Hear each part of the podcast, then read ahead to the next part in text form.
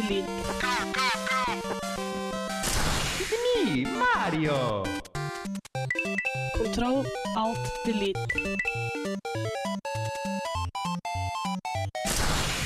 Unable to comply.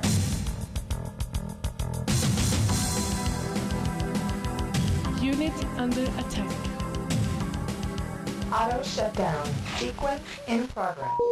Ready to serve, my lord. Velkommen til Kontroll Alt Delete, Radio Revolts spillmagasin, hvor temaet denne uka er Nå skal det bli bråk! Ja, et realt ståk. For å rangere spillene i denne generasjonen. For å bestemme Titanfalls posisjon. For å formidle sannhet og nyheter. For å påpeke spillcovers drygheter. Andreas! Chris! Team Newbie snakker raskere enn lynet. Hør på oss nå, ellers går lommeboka på trynet. Må jeg? Dude. Nei, seriøst, da. Ba bare OK. OK. Sjekk det synet!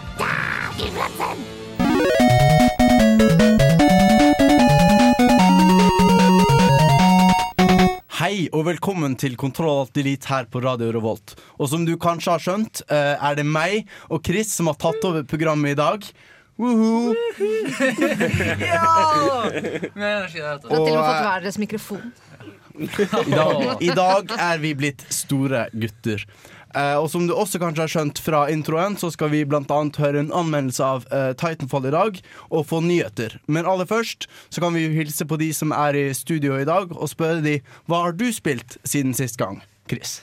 Nei, skal, som enhver fornuftig spillenerd så har jeg, eh, når jeg var i, rett før helga, hatt veldig mye stress fordi jeg hatt veldig mye å gjøre, Uh, masse innleveringer og sånn, så gjorde jeg den mest fornuftige tingen.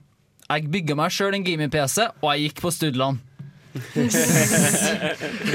og ja, så vi ble ferdig. Så det, jeg må bare si altså, det å skaffe seg en gaming-PC med grafikkort det er en helt ny opplevelse, altså. Det er, ja. No more lag. Bare rent spill. Det er fantastisk. Og det første spillet som jeg spilte, var Sleeping Dogs, og det anbefales sterkt for det. bare Fantastisk. Med oss har vi også Bård Reistad. Hallo. Hallo, hallo, hallo. Eh, jeg har tatt og plukka opp South Park Stick of Truth igjen. Og jeg kom meg over den kneika av de timene jeg har spilt det fra før. Og nå er jeg godt inne i spillet. Jeg har alle de seks mulige kompisene du kan ha. Og jeg tror nok at eh, jeg klarer å runde spillet i løpet av eh, kanskje morgendagen eller noe sånt som tar nå. Og det anbefales fremdeles ganske så sterkt. Og også Hanna. Hallo. Hallo! Hei, skulle jeg si noe mer? Ja, ja, ja, Hva har du, eh, spilt nå- siden satt sist? jeg og venta på at dere liksom skulle spørre og sånn, jeg, for nå, i dag er jeg fri. Eller fri, Typisk newbies. Jeg skulle si hva jeg har spilt eh, siste uka. Var det det som var greia? Jeg har, eh, ta, jeg har plukket opp Pokémon igjen. Pokémon Y. Eh, og kost meg, kost meg litt med det. Jeg er uh, sånn cirka bitte litt nærmere å fange min Moltres. Uh, som er sånn at Du må oppdage den 15 ganger før du får muligheten til å fange den. Eller sånt Wow. piss Så jeg begynner å bli, bli litt sånn lei av akkurat den biten. Men, men ellers så har jeg blitt sånn, fått litt sånn bitt av basillen i en periode hvor jeg har mye å gjøre. Så det er jo alltid godt nytt. Så ja. Og bak spakene så har vi Henrik, men han er like fullt en uh, deliter i våre hjerter. føler jeg. Hva har du spilt siden sist? Jo takk, nei jeg har spilt, jeg har spilt Livet jeg, jeg så en veldig kul artikkel på, på Wait But Why Om hvordan man, hvordan man kan spille livet da Og hvordan man, liksom, man administrerer ressurser og sånn Sånn som penger og energi og søvn og sånn Og så har jeg begynt å spille livet Hovedsakelig har det blitt litt Munchkin og litt uh, Cards Against Humanity Utover det så har jeg dessverre blitt voksen Er det, er det veldig som du er i virkeligheten? Er det sånn du går litt sånn tom for penger og Ja, sånn, eller for eksempel hvis jeg kjører bil Og så klarer jeg ikke krasje Så er det sånn pluss experience points Nice. Men merker du at det resonnerer godt med liksom de tingene du føler du har overskudd og underskudd av i virkeligheten? Spiller Ja, du sånn som du er litt sjøl? Eller er det Eh, Nei, jeg tror ikke når jeg spiller, så er det kanskje litt mer, litt, litt mer sånn save game-bevisst. Ja. Jeg kan alltid bare låde save game. Det er litt vanskeligere i virkeligheten. Jeg savner den fiksjonen. i Men jeg føler veldig en Sims-greie. at Hvis jeg liksom gjør noe galt, så kommer det sånn minus, minus, minus. minus. Jeg vil nå egentlig påstå at dersom du krasjer, så får du mer experience points, men det er vel mer en hel Cheap med kjipe statuseffekter som kommer på i Ja, det er det jeg tenker. Antall ben og sånn. Det blir jo fort et problem. Kjip erfaring, men desto mye mer erfaring. Jeg skjønte at jeg hadde spilt for mye Sims når jeg spilte det. Når jeg, nei, for mye World of Warcraft når jeg spilte det Når jeg krasja i et skap og tenkte at ah, minus HP. Så tok jeg en lang, lang pause fra liksom hele Da, da er det kanskje på tide å tenke seg om. Personlig så har jeg ikke fått spilt så mye, men det handlet mye om spill likevel. For jeg har begynt på spillprosjekt i eh, programmeringsfag på skolen, og Mm. skriver også eh, oppgave i et fag som heter datastøttet læring, om hvordan spill kan brukes i samfunnsfag. Og jeg stresset sånn, hvordan skal jeg finne kilder til dette? Hvordan skal jeg finne kilder til dette? Så fant jeg en fyr som har skrevet doktorgrad om hvordan man kan bruke Civilization 3 i historieundervisning. Nei, så kult. Ah, da ble jeg reddet. Så med det så gir vi nei, lyden videre til Bendik bak oss med 'Baby'.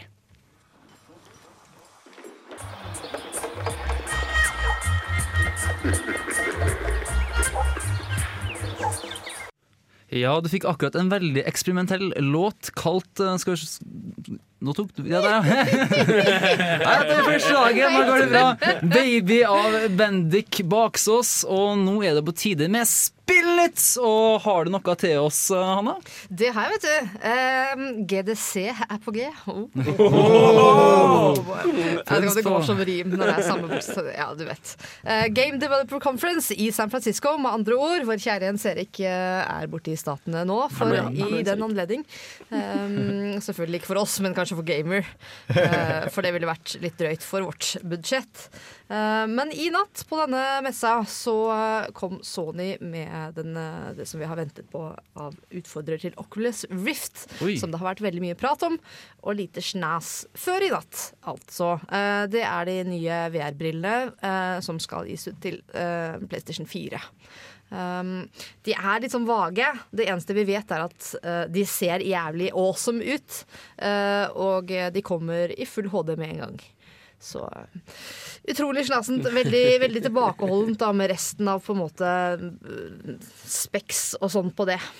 De skulle hete Morpheus. Ja, Project Morpheus. Jeg så dere. Og så er det mer prosjektnavn, akkurat som med PlayStation 4 var Project Orbis. Eller noe sånt som tar det. Ja, men det er fortsatt ganske passende. Da. Sånn fint. Morpheus, Ja. Men jeg, så, jeg hørte navnet først før jeg liksom så det ferdige konseptbildet. Så tenkte jeg liksom der, uh, eh, Matrix-solbriller Ja, ja, ja, ja. liksom bare Snass!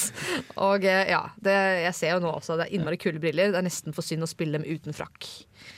Ja, nei, altså, ja, absolutt. Altså, å, ja, bullet time og alt der. Men jeg kom faktisk over specsene her nå, og det er egentlig ganske imponerende. Det er 1080p display, Wow. og så har du med 90 graders eh, field of view, sånn at du kan se til sammen 180 grader. Så det er jo ja, hele synsfeltet. Så har du 15 mm eye relief, jeg vet ikke helt hva det er, men 100, 1000 hertz display. Det er sykt kjapt, og det kjente å gi skikkelig smooth uh, spillverden. Iallfall sånn som jeg tror det kjente å bli. Så spår den også 360 graders bevegelse.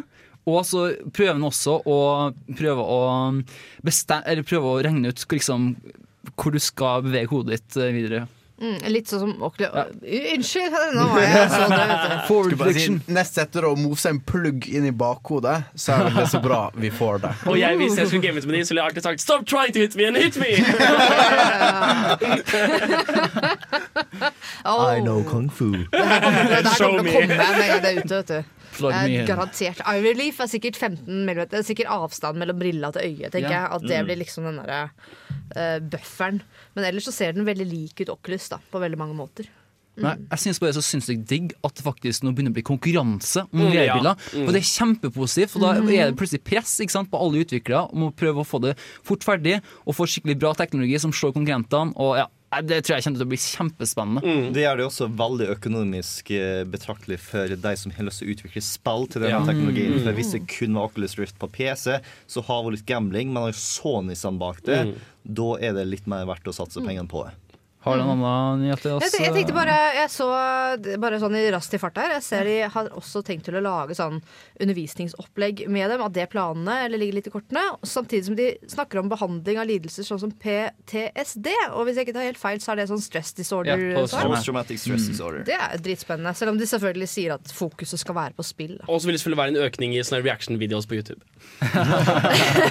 Det er sant, og jeg gleder meg til det. Vi må nesten ha en selv. Har du en kjapp nyhet oss før vi kjører Jeg har musikk? en veldig kjapp en som ikke er så mye å diskutere. Lanseringsdato Xbox. Oh! Endelig!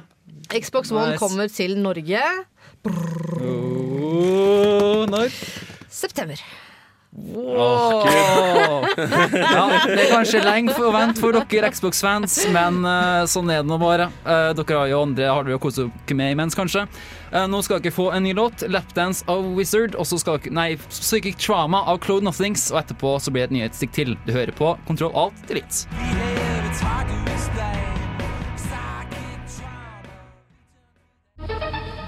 Kontroll Whose footprints? Alt Delete, delete, delete! Og da er vi tilbake igjen her i studio, og Chris har gitt uh, meg og Chris sin sånn tag team-greie fortsetter.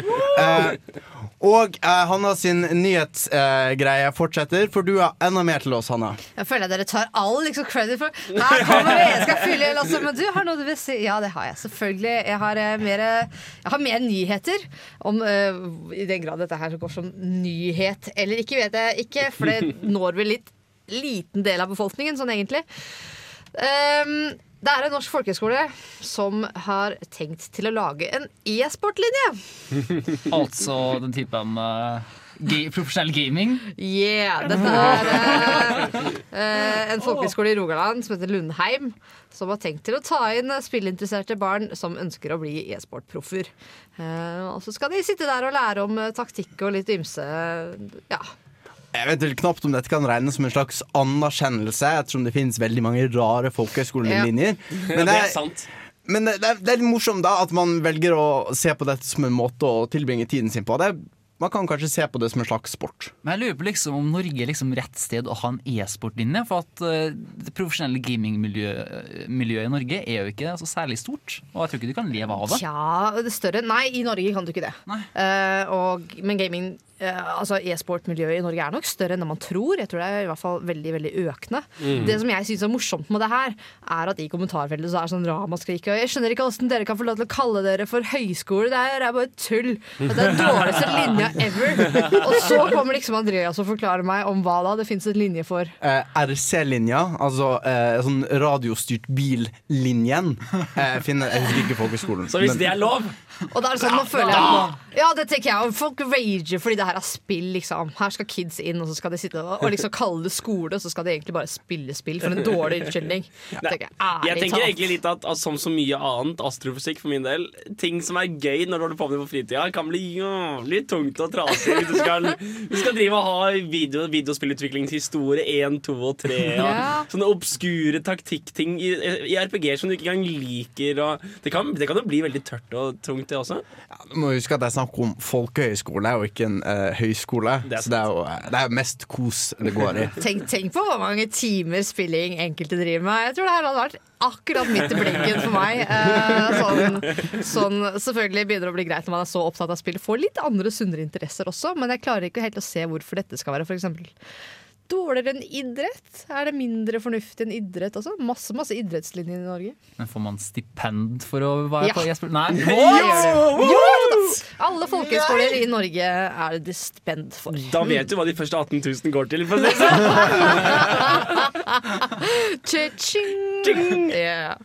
Bård, hadde du en nyhet til oss? Ja, eh, det er en liten eh, godbit ut fra GDC, hvor eh, to karer en fra Right Games og det andre fra Microsoft Studios har gjort en liten undersøkelse på hvordan vi og oppfatter eh, historie i spill. Det var ikke den mest vitenskapelige undersøkelsen. Det de gjorde, var at de satte seg ned med en haug med folk. De spurte de om å fortelle plottet til favorittfilmen deres, plottet til favoritt-TV-serien og plottet til favorittspillet.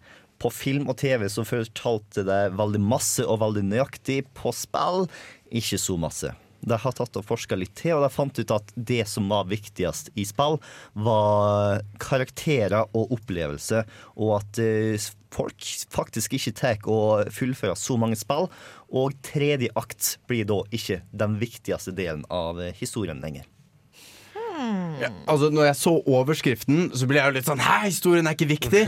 Men når de sier det er karakterene, så er jeg jo helt enig. For det er det vi, det er de vi husker, det er de vi eh, interagerer med. Eh, Mass Effect, for eksempel. Det er, de, det er jo karakterene jeg blir glad i i Mass Effect. Og det er karakterene man også cosplayer. Oh yeah! Ja, jeg vet ikke. For mine absolutt favorittspill så hadde jeg nok trukket fram historie. Men jeg vet ikke om det er fordi jeg liker liksom, Det er ingenting jeg kan finne med disse spillene som ikke er bra. Men, men det er det så, sånn som Majora's Mask, for eksempel. Hadde jo ikke vært samme spill hvis ikke det hadde vært for den sinnssykt gode historien rundt. For det driver også plottet veldig. Jeg skjønner hva han mener, men jeg klarer ikke liksom med et smil å si at jeg er enig. Det er litt mer sånn der nja, du har sikkert et poeng, men så Dette høres ut som det fortjener sin egen eh, sending. Hadde du? Eh, De trakk også fram statistikken at sånn halvparten av folka som begynte på Mass Effect 3, ikke fullførte det. Ja. Jeg tenker um, How I Met Your Mother er en av mine favorittserier. Mm. Her er det også karakterene som gjør greia. Det er ikke veldig historien. Nei, det er ikke historien, nei. Så jeg tror Da du huske plottet masse bedre når du er en observatør i stedet for en interagatør Ja, sant. Og det er jo ikke en er serie med et spesielt plott heller. Det er jo egentlig bare sånn tema. Det er en situasjonskomedie. Ja. Så det var kanskje ikke fair likevel. Ja. Så lite veit jeg, da. så den, eh, jeg, jeg tror nok denne diskusjonen kommer til å fortsette her i studio mens eh, du får en sang. Så og slem du er.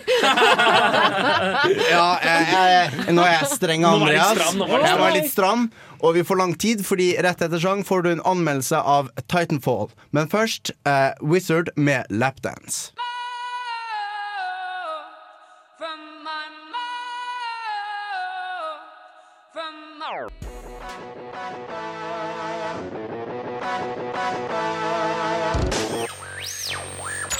And then he herded them onto a boat, and then he beat the crap out of every single one. The only product ever to be personally endorsed by notorious ladies man, Mr. Shank. Yeah, so this shit is tits, guys. You should see what my bitch thinks of me now. Ukas anmeldelse og kontroll. Alt delete.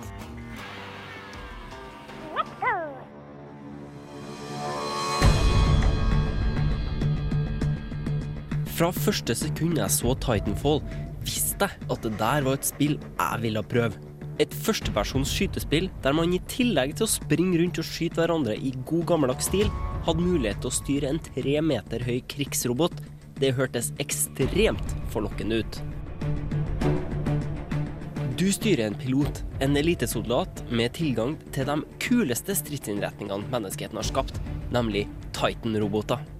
Cirka to minutter ut i hver kamp så har du muligheten til å kalle inn din første titan, og da slutter spillet å være et standard skytespill. Control transferring to pilot.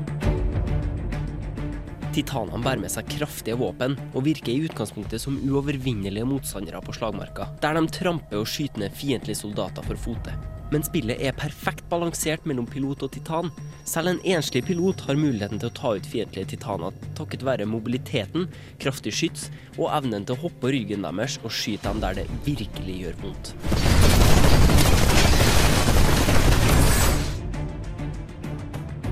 Spillet er en flerspilleropplevelse hvor du tar del i seks mot seks-kamper som foregår mellom IMC og The Militia.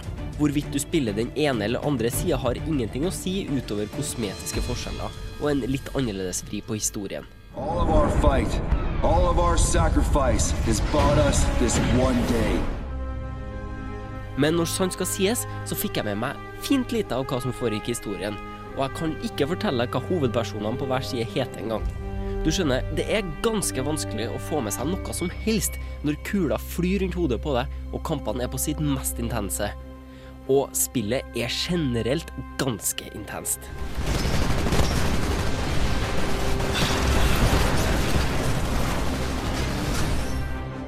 For i tillegg til de tolv menneskestyrte pilotene som springer rundt, er også begge sider godt utstyrt med datastyrte soldater. Noe som bidrar til at kampene føles mer levende, og hindrer den statiske følelsen som jeg av og til får av andre skytespill. Spillet er også nydelig å se på, med svære, levende områder med masse som skjer. På det ene brettet så flyr det svære, dragelignende beist over hodet ditt, og på andre igjen så kan du bevege deg fra tak til tak i en slitt gammel by mens de svære krigsmaskinene kriger i gatene under deg. Det er rett og slett skikkelig kult.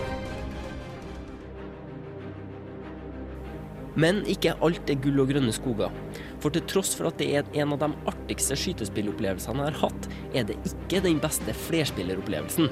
Kampene kan tidvis være ekstremt kaotiske, og nybegynnerterskelen virker veldig høy. Og da er det ikke bra at vi har et matchmaking-system som sannsynligvis er det verste jeg har vært borti. For om to lag er helt ubalansert, og du blir knust i kamp etter kamp etter kamp mot de samme fiendene, så gjør ikke spillet noe med det. Du blir satt opp mot den samme elitegruppa gang på gang, mens laget ditt er en konstant miks av nybegynnere og spillere som strengt talt virker som de heller burde holdt seg til å spille The Sims. Og går du da ut av lobbyen for å prøve på nytt, ja, da kan du banne på at du havner i den samme jævla gruppa igjen. Å tape litt og vinne litt, det er gøy. Men å havne i grupper som er ekstremt god eller ekstremt dårlig, da blir det fort veldig kjedelig. Titanfall har ekstremt potensial, men jeg vil anbefale alle sammen som vurderer spillet, å vente litt. I hvert fall til de har fiksa matchmakinga. Karakter sju av ti.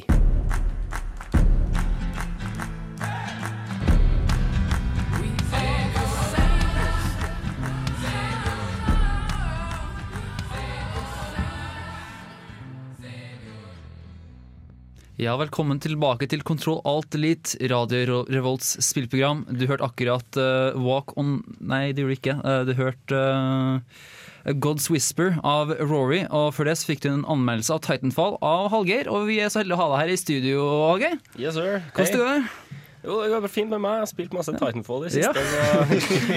Men jeg må bare spørre, for at det høres For at sånn som jeg skjønte, så er det jo sykt mye nytt i Titanfall. Du har jo det med Pilots, og du har jo Titans, som er helt nytt. Og Liksom, Er det lett å lære, eller føler du at det er for mye, eller hva? Al altså, det er veldig lett å lære, men samtidig så føler jeg at eh, ferdighetskurven er ganske bratt. Mm. Uh, og det, det er lett å lære, men vanskelig å mestre. Da. For altså, du har Mm. veldig mange nye systemer som er ganske uvant. Ikke sant? Ja. Wallrunning og double jumps og sånne ting i et FPS er liksom ikke standard. Eh, og når du i tillegg har på en måte en hele si, mekanikken med Titan, så, så må du på en måte tilpasse deg en annen spillestil enn enn, det du er vant med da, egentlig fra Mm. vanlige FPS-er. Men det er veldig kult. Veldig tøft spill, veldig innovativt. Men eh, du snakker jo at selv om du var pilot i, et, i en battlefield med Titans, så hadde du likevel eh, en sjanse til å ha påvirkning på kampen. Så vil du si at det er balansert? Ja, det er, det er faktisk utrolig balansert eh, i kampen mellom eh, piloter og titaner. Og jeg må nesten si at jeg foretrekker å spille som en pilot, og så bare kjøre på med titanen min til å gå på sånn guard mode eller sånn follow mode, eller noe sånt, så kan jeg fære rundt og sprette mellom tak, og så kan han fære rundt og plafte folk på bakken. Ja, du nevnte jo kort at du husker knapt hva folkene het. Men en annen ny ting er at du har eh, blandet inn MPC-er i multiplayer-kampene. Hvordan fungerer det? Ja, jeg synes, uh, På den ene sida her så syns jeg ikke at det å blande inn eh, campaign i eh, i multiplayeren fungerte nesten i det hele tatt, for altså, jeg fikk ikke med meg en dritt. Men det å få inn de NPC-ene syns jeg var veldig fint, for at jeg synes at det, det gjorde hele kampen mye mer levende. Og pluss at de, de gjør jo noe. Ikke sant? De Mm. er jo der, de, de, de virker veldig naturlig. Men igjen så greier jeg liksom i forrige uke sånn stor nyhet Det var at uh, Titanfall hadde sånn 50 gigabyte eller sånn med ukomprimert musikk. uh, merket du det? Er det noe du vil si at det er betydelig forskjell fra andre spill? Det eneste som var en betydelig forskjell, var at det tok insanely lang tid å laste ned.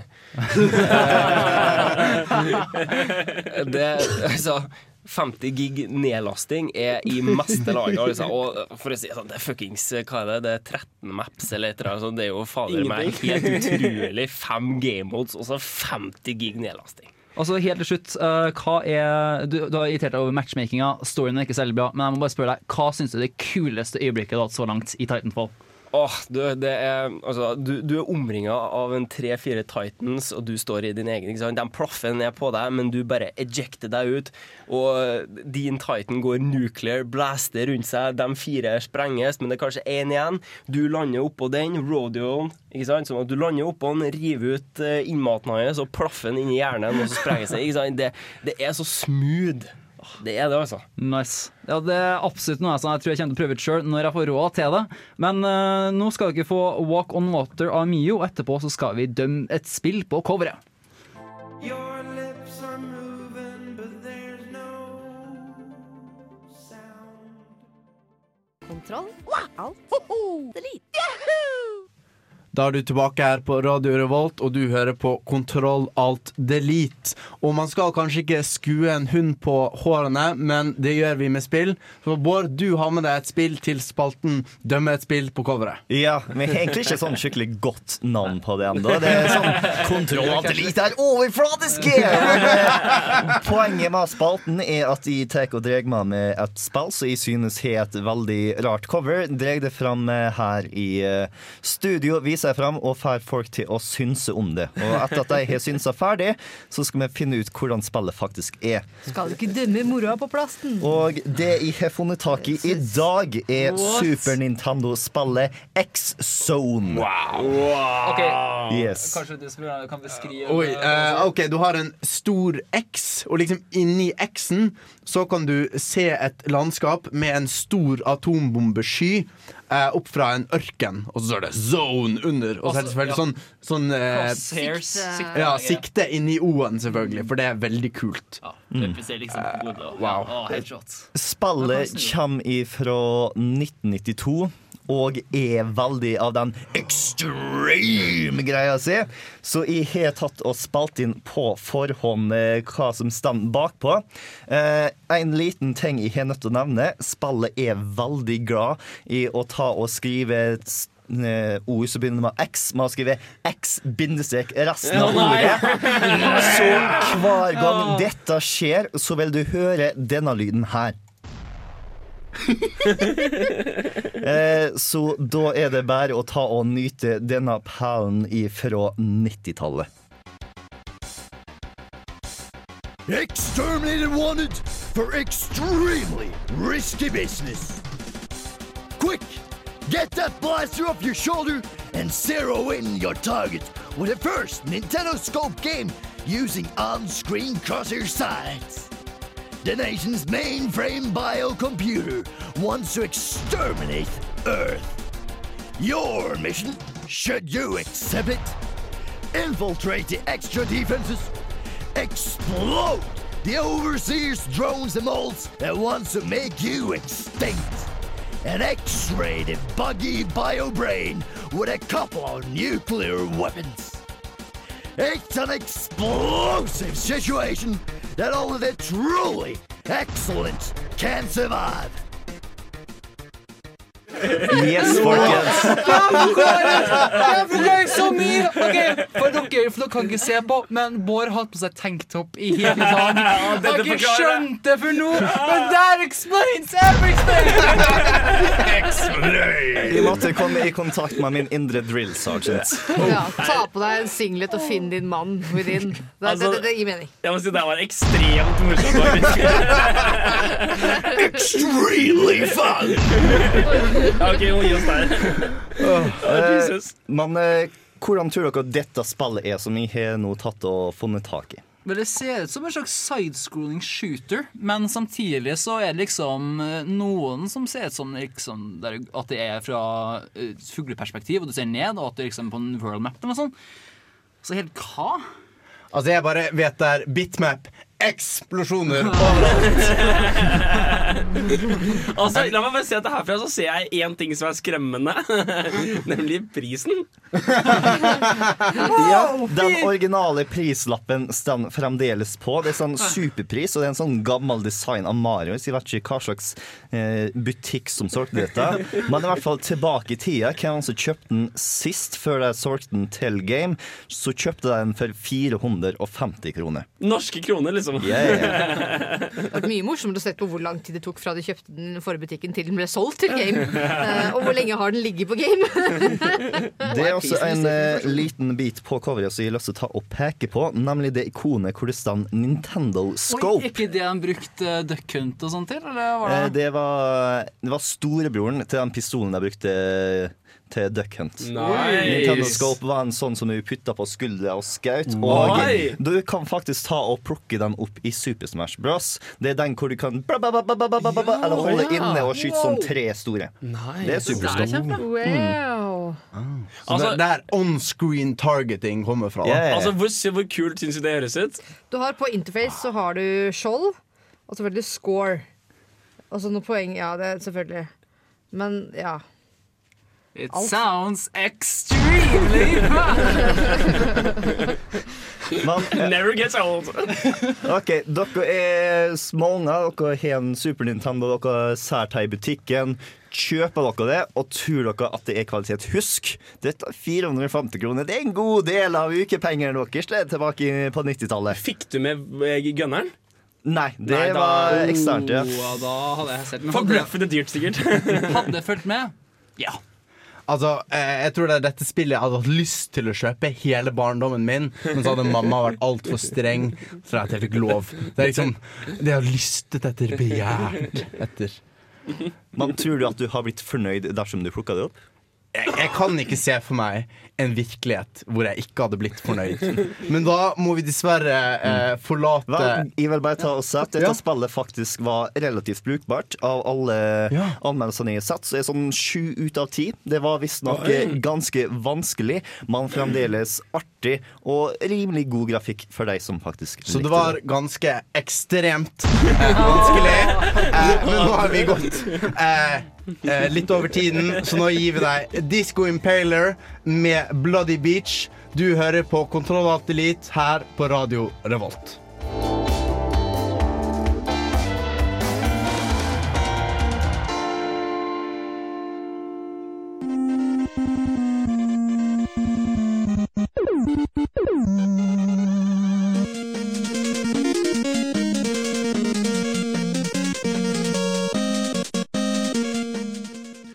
Hallo, og da er du i Kontroll Alt Elites eh, podkast.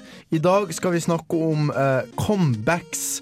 Og hvis du trodde undervurderte spill var en vanskelig definisjon, så er kanskje denne enda vanskeligere. Men vi skal se på spillseriene som har funnet seg selv opp på nytt.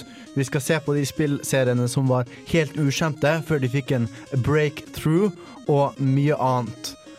Dette er rett og slett de spillene som kom ut av intet og ga oss en skikkelig knockout, fordi at vi ikke forventa at disse skulle ta og dukke opp på markedet. Av og til var det kanskje Uff, hvordan kan dette gå? Et spill basert på det. Kan neppe gå bra. Noen ganger var det kanskje en, eh, ja, en spillserie som nesten ingen hadde hørt om. Uh, av og til er det kanskje laget av noen andre. Så er det noen som har fått en eh, franchise, og så bare Dette skal vi lage noe kult med. Jeg synes altså det som er Hadde ikke du en todelt definisjon, eh, du Andreas, på hva som jo, eh, jo var for, jeg, for vi så litt på det at uh, eh, Som jeg har sagt, så er det de spillene som eh, mange visste om. Eh, og så plutselig eh, fikk en ny utvikler uh, kjøpt opp et gammelt franchise som hadde masse lojale fans, og som er så glad i, i dette spillet at de er dritredd for hva disse her uh, kommersutviklerne skal gjøre av det, og det kommer til å bli dårlig, og det kommer til å være en finger til alt som er hellig og fint her i verden. Nå skal vi kanskje ikke avsløre de store navnene på listen vår, eller Vi tar og holder spenningen eh, var en stund til. Eh, Denne lista er kortere enn det den vanligvis er. Vanligvis har vi en ganske så fin runde topp ti. Den gangen så ble det en topp fem, fordi at sånn alle sammen var opptatt. Jesus Christ! Eh, Jens Erike flykta landet. Sondre måtte ta og fokusere på skolen. Hanna skulle på møte, og Hallgeir skulle ta og lære opp Han skulle ta og lære opp en niendeklasse i sex, og det var unnskyldninga hans for å ikke ta og bli med på denne lista her. Med andre ord så er Bård veldig sint for at han er ut, at liksom eh, ratioen mellom eh, noobs og veteraner er to til én. Så- Jo, jo, men når jeg er i studio, så er det det uansett hva. Nei, så da er det bare et uh, skeleton crew igjen med meg, Chris og Bård her i studio. Men vi skal nå like fullt klare å eh, glede deg gjennom uh, disse comebacksene. Hvordan var prosessen for deg, Bård, med å finne fram til dine favorittcomebacks? Vel, det var masse enklere med comebacks enn når det kommer til undervurderte spill. For problemet med undervurderte lista vår var at liksom det var så mange spill som eh, en eller to personer har spilt, som ingen andre brydde seg om eller visste om. Og da var det liksom ganske vanskelig å rangere ting. Mens når vi har comebacks, så var det veldig klare kandidater. Det var vanskelig å se seg uenig i den eh, originale topp ti-lista vi har. Eh, og eh, topp fem-lista mi har nå er de beste av de beste. Og det var sånn at vi måtte ha et par tiebreakers for å faktisk få en rangering her. Altså, også, jeg tror det som er så kjekt også, det er jo det med at uh, vi kjenner jo alle sammen til comebacksa. Uh, Istedenfor at Mm. uh, på så var det jo nesten sånn at uh, det var én person som miste om uh, Eller kunne noe om spillet, mens resten av oss bare måtte spørre spørsmål og nikke. Mens nå er det jo titler som faktisk er veldig kjent, iallfall de fleste av dem, og som jeg tror uh, de fleste av oss har kjennskap til. Ja, Det ligger jo også litt i definisjonen at dette er eh, de store spillene. Men for meg så var denne definisjonen vanskeligere å, å få grep rundt. Et undervurdert spill da har liksom en forestilling av hva som er. Jo, det er det spillet. Når jeg snakker om det, så er det ingen som vet hva jeg snakker om. Det, da er det et undervurdert spill. Når jeg liksom Mm. jeg får hjerter i øynene når jeg snakket om Sino Clash. Og alle Hæ? Si, si what? what? Eh, da, da, da skjønner jeg at det er et undervurdert spill. Eh, men her var det vanskeligere eh, å finne en definisjon. Så derfor det brukte jeg, som jeg, som jeg nevnte, disse to litt forskjellige definisjonene. Det er enig fordi at begrepet comeback er ikke heldekkende. Det er enkelte altså spillet her nå hvor eh, du kan ikke si at det forrige spillet var på noen måte elendig, men det tok og redefinerte seg på en så utrolig annerledes og spennende måte at vi aldri kunne tatt og forestilt oss det. Og det tok og Det som er så ekstremt kult med alle de fem spillene vi har på listen vår, er at de har tatt og ikke bare redefinert sin egen eh, spill... eh, Hva heter den? Sjanger. Spill, spillserie. Ja, men også hele sjangeren de Mm. er med i. Det, uten disse fem spillene på denne lista her, så har generasjonen som var, vært ganske annerledes, og jeg vil si også ganske kjedelig. Men øh, ja, vi har jo gode comebacks som vi skal fokusere mest på, men det er også ganske mange dårlige og veldig skuffende comebacks. Og det skal vi jo heldigvis ta opp senere, for det er så mange comebacks jeg er så sur på! For liksom, det, De kunne gjort så mye bra med det, men nei da, de bare dreit i det, og det ble bare sånn crap som ikke skulle blitt sluppet ut. Og ja! Mens vi tar og prøver å roe Chris ned litt, så skal vi ta og starte på en av de gode. Nå starter vi på vår topp fem.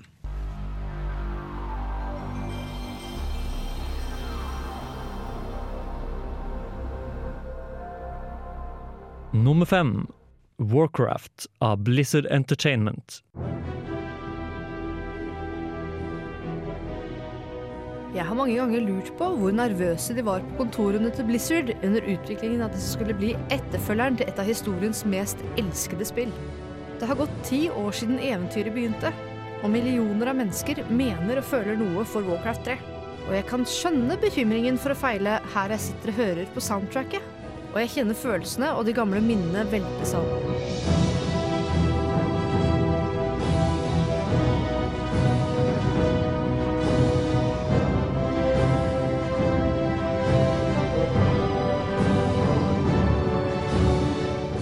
Er 2004, og jeg aner ikke på dette tidspunktet at jeg i de neste seks åra skal bruke tusenvis av timer på World of Warcraft. MMO-et som i år fyller ti år.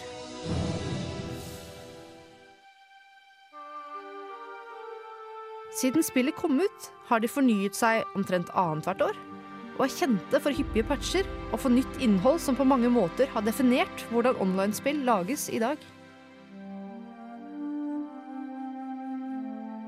I dag har World of Warcraft 11 millioner spillere, og det viste oss hva ordet massiv i MMO egentlig betyr.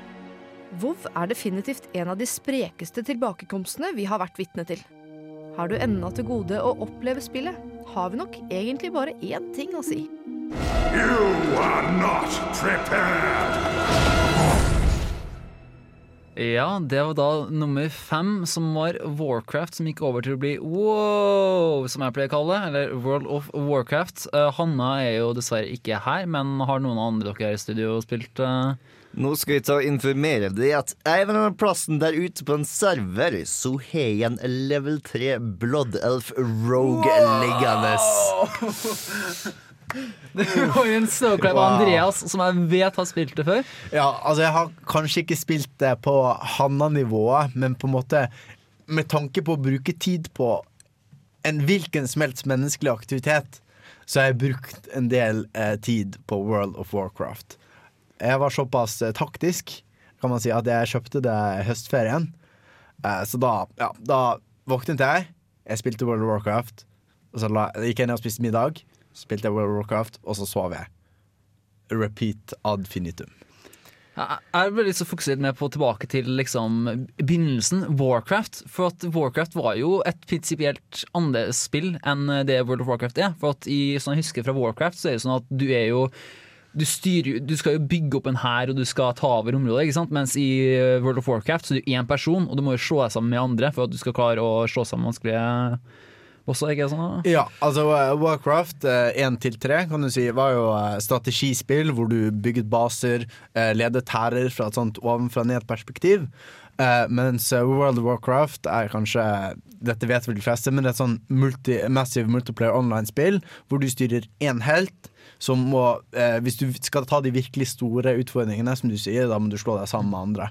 Så det gikk jo fra å være et, et spill hvor du styrer mange, til et spill hvor du styrer én. Det var kanskje ikke alle som stolte på at de skulle klare den uh, overgangen, men det må det vel sies at de klarte. Men det må jo også sies at det er egentlig et ganske smart, eh, ganske smart, smart strategi av eh, Blizzard å gjøre det her med at du må liksom inn og samarbeide med andre. For det er jo det som fikk eh, så mange hekta på World of Warcraft. Det var at plutselig så ble det jo Det er jo masse sånne artikler om, på nett om at det er folk som blir sittende fast i sånne her laug, da, som de føler at de har en De har et sosialt ansvar da, for å faktisk være med og hjelpe eh, å komme videre. Du må liksom møte opp på spilletidspunkter og ja, du må faktisk fortsette å spille. Ja. Når du sa laug istedenfor guild, så smeltet hjertet mitt. Det var veldig fint. Ja, Hvis dere ikke har fått med dere, så har Andreas en sånn greie at liksom, han vil at alt skal bli til norsk. Ja. Liksom, sånn der laug, så er liksom åh. Men tilbake, Andreas. Du som, du som bare spilte Men du, nei, først, det er først, Bård. Ja. Du hadde kunne kommet til level 3, og da har du ikke spilt så mye. Nei. Hva jeg- greia var liksom ikke Vel, gøy, dette eller? var tilbake i hva 2007 eller noe sånt. Burning Crusade har nettopp kommet ut, og en kompis var som Bård, ta og spill litt av da. Og så satt jeg nå og fant ut OK, dette er en walking simulator. Greit nok. Jeg har stemma til Liquid Snake, men forbi det så er ikke dette så særlig underholdende. Åh. Og du, Nei, altså, jeg syns bare det er, Jeg elsker å utforske. Um, og, og tre inn i en For det er en kjempestor verden. Å tre Mm. inn i en sånn stor verden og bare, bare gå og utforske nye steder, nye verdener, møte nye karakterer, det syns jeg var skikkelig gøy. Så jeg startet alle For altså, du kan lage masse forskjellige raser. Du kan ha uh, undead. Eh, Du kan lage en ork, du kan lage troll, og alle disse har Eller i hvert fall veldig mange av de har, har sitt eget sånn startområde. Og jeg startet minst én av hver, for jeg ville se alle disse fantastiske startområdene. Eh, og ja, Det var liksom begynnelsen jeg syntes var gøyest. da For Så jeg laget sånn Jeg tror jeg levelet kanskje 20 karakterer til level 10. For jeg syns denne her begynnelsen var altfor nytt og altfor spennende. Og jeg den enorme verdenen lå for mine føtter. Det var uh, kjempegøy. Var du noensinne med i et laug? Uh, ja, jeg var med et laug. Ikke en av de tyngste sånn uh, raid. Altså et raid i World of Warcraft Det er når du går sammen opp til Er det 40 eller 60? tror det er opptil opp, I hvert fall 40 mennesker for å klare de tøffeste områdene. Det var ikke sånn jeg var med i, men ja, jeg var med i et laug, og vi gjorde noen sånne tøffe dungeons, og det er dritgøy å samarbeide med andre mennesker om å klare skikkelig store fiender. Jeg har lyst til å komme en ene World of Warcraft-vitsen jeg kan. Leroy Jenkins! Nei, men sånn til meg i hvert fall, så jeg var først borti Warcraft 3. Jeg likte ikke spesielt godt, fordi at eh, jeg er generelt ganske forferdelig på strategispill. Eh, det kan uh, Bård skrive under på, for at i Munchkin gjør jeg elendig, for jeg har ikke strategi. Eh, men eh, altså, Jeg vet ikke hvorfor, men jeg har aldri toucha noe særlig på World of Warcraft. Jeg tror det er litt sånn at eh, foreldrene mine var liksom ganske obs på at jeg spilte en god del. Og eh, det var, Jeg spilte sånn moderat på den tida jeg liksom begynte å høre om World of Warcraft. Og da jeg liksom, ble jeg fora masse artikler fra foreldrene mine for å forhindre at jeg ble en intens gamer. da Om at eh, ja, World of Warcraft ødelegger karakterene dine, World of Warcraft ødelagt livet mitt. Og Skikkelig sånne eh, ekstreme artikler. Og det, noen av dem er, det er jo sikkert veldig mange ekstreme tilfeller, men samtidig så Ja, for- det er litt sånn skrekk og advarsel. Foreldrene har aldri kommet til å nevnt Warcraft 3 til det. Warcraft 1, 2 og 3 er ikke titler som er på noen noen sin radar. Det er en he- Jeg er ganske sikker på at det finnes sikkert én million av Warcraft sine brukere som ikke har peiling på at det fantes eh, Warcraft-spill før World of Warcraft, og i hvert fall ikke strategispill. Så det å gå ifra en ganske god og eh, brukbart kjent eh, strategispill til å bli mer eller mindre Coca-Cola av varemerket når det kommer til spill, det vil kalle et ganske godt comeback.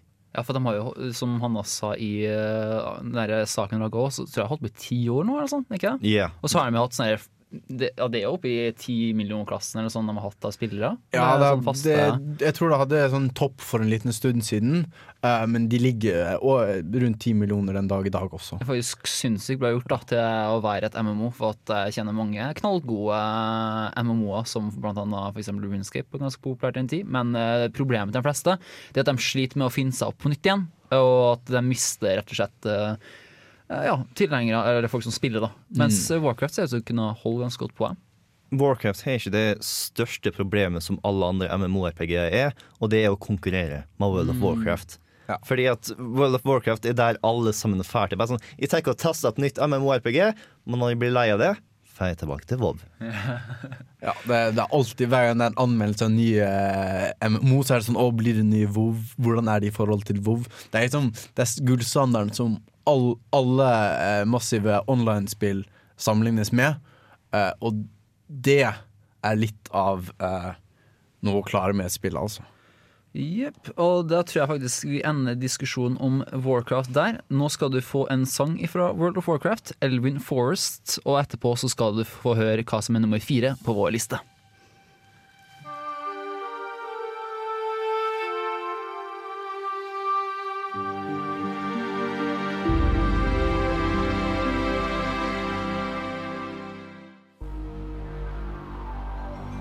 Nummer fire. Red Dead av Rockstar San Diego.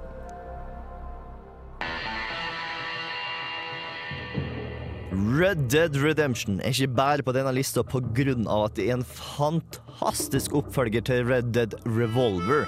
PlayStation 2 og Xbox-spillet som fikk en helt grei kritisk og økonomisk mottagelse da det kom ut i 2004.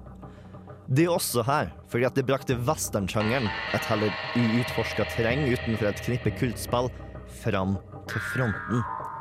Og oppfylte barndomsdrømmen om å være den kjappeste skyteren i Vesten, sjøl for de av oss som ikke visste at vi hadde den drømmen. Rockstar San Diego klarte å skape et vilt Vesten som fanger essensen til filmsjangeren. Uansett om det skulle være John Ford eller Sergio Leone. For a fistful of dollars eller The Unforgiven. Alt det du assosierer med cowboyer, var tilgjengelig. Inkludert revolverdueller, juksing i poker, ri ned i solnedgangen og til gjeting av kyr på hesterygg. Og i tillegg til den levende, pustende verdenen klarte de òg å plassere en imponerende god historie som til tider rev pusten fra det. I starten av generasjonen som var, så var det få som forventa at et av de beste spillene skulle ta sted i gamle Vesten. På starten av denne generasjonen gleder mange seg til sitt neste gjensyn med sporet og seksløpere. Red Dead Redemption er altså vår nummer fire på comeback-listen, og det er jo ingen tvil om at dette er en av eh, forrige generasjons beste spill. Og det hadde man vel ikke forventet uh, av en oppfølger til et spill nesten ingen hadde hørt om. I hvert fall jeg hadde ikke hørt om uh, Red Dead Revolver. Jeg tror jeg kanskje har skimta coveret til det mens jeg satte på plass da jeg jobba på Game tilbake i tida. Men det var liksom ikke et spill jeg har rørt noe særlig. Du har et par andre westerntitler tilbake på PlayStation 2-æraen, sånn som Gun fikk en god del eh, brukbar kritikk, og eh, det første Call of Juarez-spillet også. Men eh, det var liksom ingen som slo igjennom. Det var ekstremt nisje å være i Ville Vesten eh, tilbake i tida. Og så kom Rockstar og bare endra absolutt alt. Ja, og det er jo, man kan på en måte se litt eh, Grand Theft Auto i, Ja. i spillet, men likevel med en utvilsom vill western-feel på det hele. Ja, De brukte å- den samme motoren, og det er eh, ganske typisk Rockstar, så må du ta og bevege deg litt på en feil side av loven, sure enough. Men dette føltes ikke ut som eh, GTA med hester. Dette var sitt eget vesen, og det er et vesen som toppa lista mi, kanskje til og med, når jeg kommer til beste spill denne generasjonen her. Ja, når jeg plukka opp for første gang, så var jeg sykt skeptisk. For at uh, sånne type cowboyspill har alltid i min erfaring hørtes, vært skikkelig billig. Har vært sånn skikkelig klisjé. Men sånn som du også sa i omtalen, så var det sånn at det var jo en komplett western-opplevelse. Det var jo fantastisk. Og du følte virkelig at du var i den verdenen. Og alt funka bare så bra. Og jeg husker jeg digga skikkelig en scene der eh, du skal følge etter et tog, og så skal du prøve å ta over det. Og det var sånn skikkelig klassisk western. Og det var bare så bra! Og det var bare så gøy. Nei, det, og det greia med Red Dead er at det ikke mangler på sånne episoder heller. Ikke sant? Og eh, spillet måtte ikke tvinge det gjennom, epi, eh, gjennom eh, oppdraget for å gi det eh, øyeblikket. For eksempel, det er en fuckings achievement for å ta og binde opp et kvinnfolk og legge ihop toget og twirle mustasjen litt. Og du, du, du bare rir gjennom byen, og så er det en kar som sier sånn Hei! You're John Marshall! I'm challenging you to a duel! Ja. Plutselig så er det jo en duell, og så, «Wow, mm. Ja, for dette var et spill som virkelig klarte å kombinere en fantastisk narrativ opplevelse, Mm. men også skape illusjon av en levende verden med sånne tilfeldige hendelser som plutselig skjedde. 'Å, kan du hjelpe meg med ditt eller datt?' Og, og sånne småting som skjedde overalt. Og bare, Mm. Det var gøy å bare ri i en tilfeldig retning, se hva du kunne finne. Ja, for du skal virkelig jobbe hardt for å kjede deg i Red Dead Redemption. Det er alltids eh, noen ukjente folk som er sånn Hei, jeg trenger litt sånn hjelp. Eller så er det dyr du kan ta og jakte og skinne. Eller så er det noen outlaws som er sånn Oh shit, he's altså. ah!» Og så er det bounties overalt. Og Jesus Christ, jeg var nødt til å ta faren og spille spillet her nå. Altså, uh. Ja, det er ingen tvil for meg at dette er en av de beste spillene fra forrige generasjon.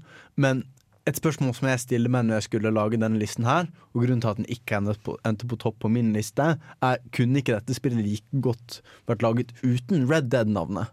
Det kunne det. Det skal jeg gå med på. Men eh, jeg ser fremdeles på det som en comeback for hele sjangeren. Fordi at det var ingen som har klart å selge Ville Western så godt siden Wow, du må, du må langt tilbake i tid for en god westernfilm som klarte å gjøre det. Kanskje en Sergio Leone sine spagettifilmer. Det, det er liksom det som er på størrelse. Fordi at sjøl i filmens verden så har western forsvunnet. Du har det er ganske synd at noen av de største navnene innenfor western de siste par åra er The Lone Ranger og Wild Wild West. Det er ah, Du har heldigvis sånn eh, 310 to Yuma og Jungle Unchained, som også er fantastiske filmer, men det er Du ser svært sjelden western på kino i dag. Og det er synd, fordi det er en veldig kul uh, æra. Mm. Og det er jo egentlig nære veldig egnet til uh, sånne åpne spill. For det er litt sånn halvt lovlig, halvt lovløst område. Store marker, hester, eh, masse som du sier, bounties og litt sånn hvor det virkelig er på sin plass å ha en som er på kanten av loven. Mm. Som virkelig kan Altså, det har alltid forvirret meg Grand Theft Auto, for eksempel, hvorfor ikke denne personen er død for lenge siden. eh, men i en western så er det plausibelt at en sånn John Marston på kanten av loven eh, klarer, klarer seg over lang tid og kan lage et navn for seg selv. da Mm. Det, det føler jeg gir mer mening innenfor en western enn innenfor uh, den moderne settingen til Grand Theft Auto, eksempel. Og jeg liker også Red Dead sin uh, Når vi snakker om både moderne og det å være på kanten, at de satt spillet i 1910 akkurat der hvor det ville Vesten holdt på å dø ut. Mm. Det er sånn Den siste tredjedelen av spillet er veldig via til at nå er det på tide at cowboyene bare forsvinner. Nå kommer det biler som erstatter hester. Nå eh, blir sexløperne bytta ut med faktiske ni millimeter. Nå er snart første verdenskrig. Nå er cowboyens tid ute. Mm. Chris? Ja, jeg skal ta den etterpå. Ja, for jeg føler det er en av de få spillene som får til å ha litt sånn theme som Mm. ligger bak. Det er egentlig noe spillet har vært litt dårlige til. Å ha en sånn indre handling. Og den indre handlingen, din tid er over. Det er ikke noen plass for deg i verden lenger, eh, John Marston. Mm. Den følelsen klarte de å fange. Eh, og det føler jeg få spill som får til.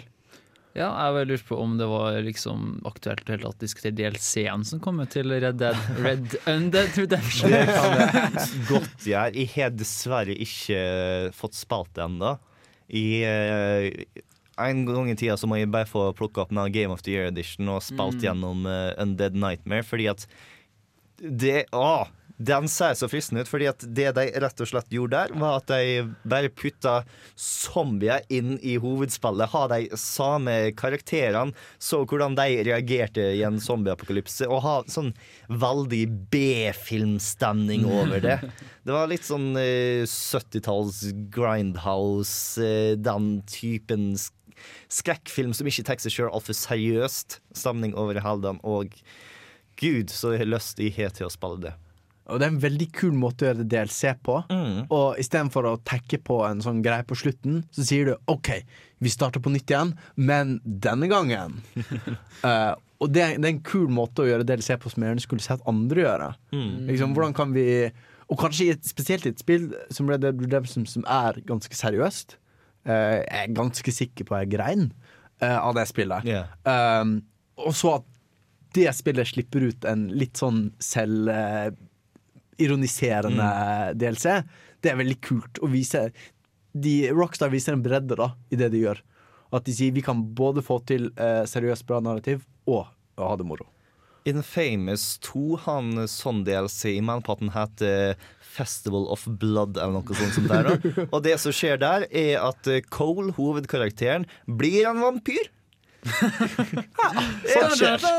Det, sånn de, ble gitt ut med halloween og bare sånn Ja, vel. Det, det var selvfølgelig ikke Cannon, det var kompisen av Seek som bare fortalte en røverhistorie, men det var fremdeles veldig bisart at bare sånn Nei, nå går vi fra superhelter til vampyr, folkens.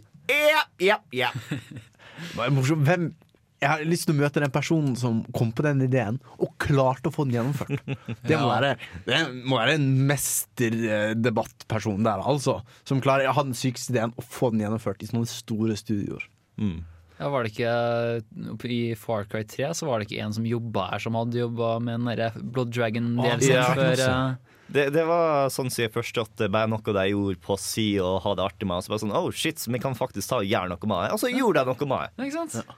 Og det er en veldig effektiv måte å gjøre DLC på, for du kan gjenbruke veldig mye, samtidig skape en fersk opplevelse. Mm. Det er nesten litt sånn bortkastet når du har en sånn fantastisk verden, og bare bruke den til ett spill. Så det bør man kanskje utnytte mer. Men uh, ved mindre det er noen som har noe mer å legge til, så uh, tror jeg vi går videre til uh, vår nummer tre. Nummer tre. Team Fortress av Valve.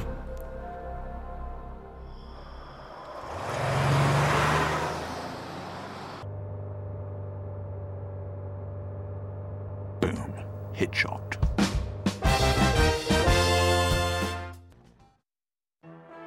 Team Fortress Classic. Et ganske avslørende navn, kanskje. To lag, hver sin festning, en kamp til døden. Eller om flagg, alt ettersom. Spillet ble sluppet som en mod til førstepersons skytespillet Half-Life i 1999. Spillet var kanskje alltid dømt til å være lillebroren til det enormt populære Counter-Strike. Like fullt opparbeidet Team Fortress en stor og ikke minst lojal følgeskare. Spillere verden over fikk sansen for å tre inn i en av ni forskjellige roller, for å kjempe om ære og ikke minst poeng. Når utviklerne lovet en oppfølger, Team Fortress 2, ble forventningene skyhøye. Men årene gikk, og selv om skjermbilder og nettsaker ble sluppet med jevne mellomrom, ble prosjektet stempet et luftslott. Utviklingen ble en vits. Da tiden krysset femårsgrensen, kunne det egentlig ikke gå annet enn galt. Så kom resultatet.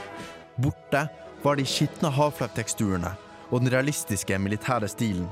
Grimme tryner var erstattet med lekne farger, og estetikken var som revet ut av en tegneseriebok.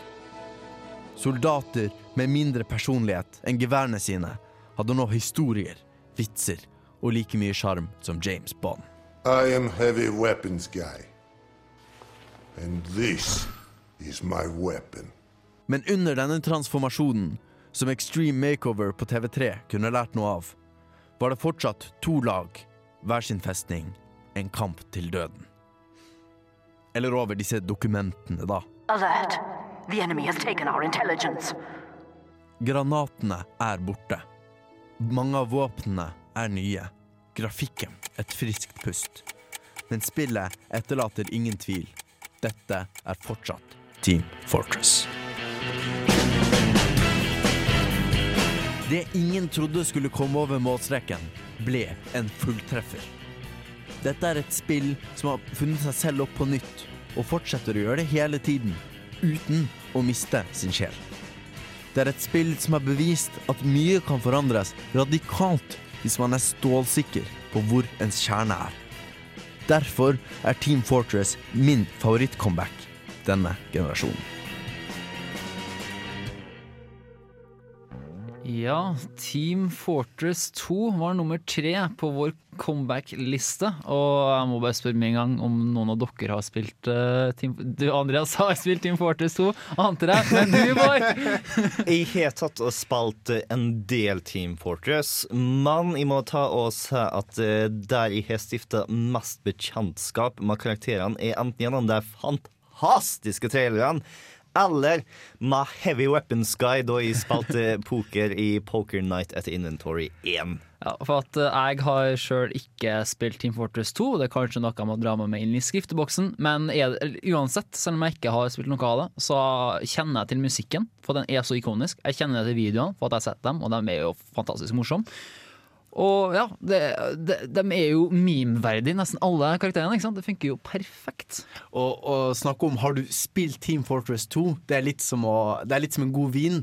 Når, når bare vokst og vokst og vokst, så spilte du Team Fortress 2 for mange år siden. Så hvis du plutselig skulle åpne det, så er det på en måte et helt annet spill.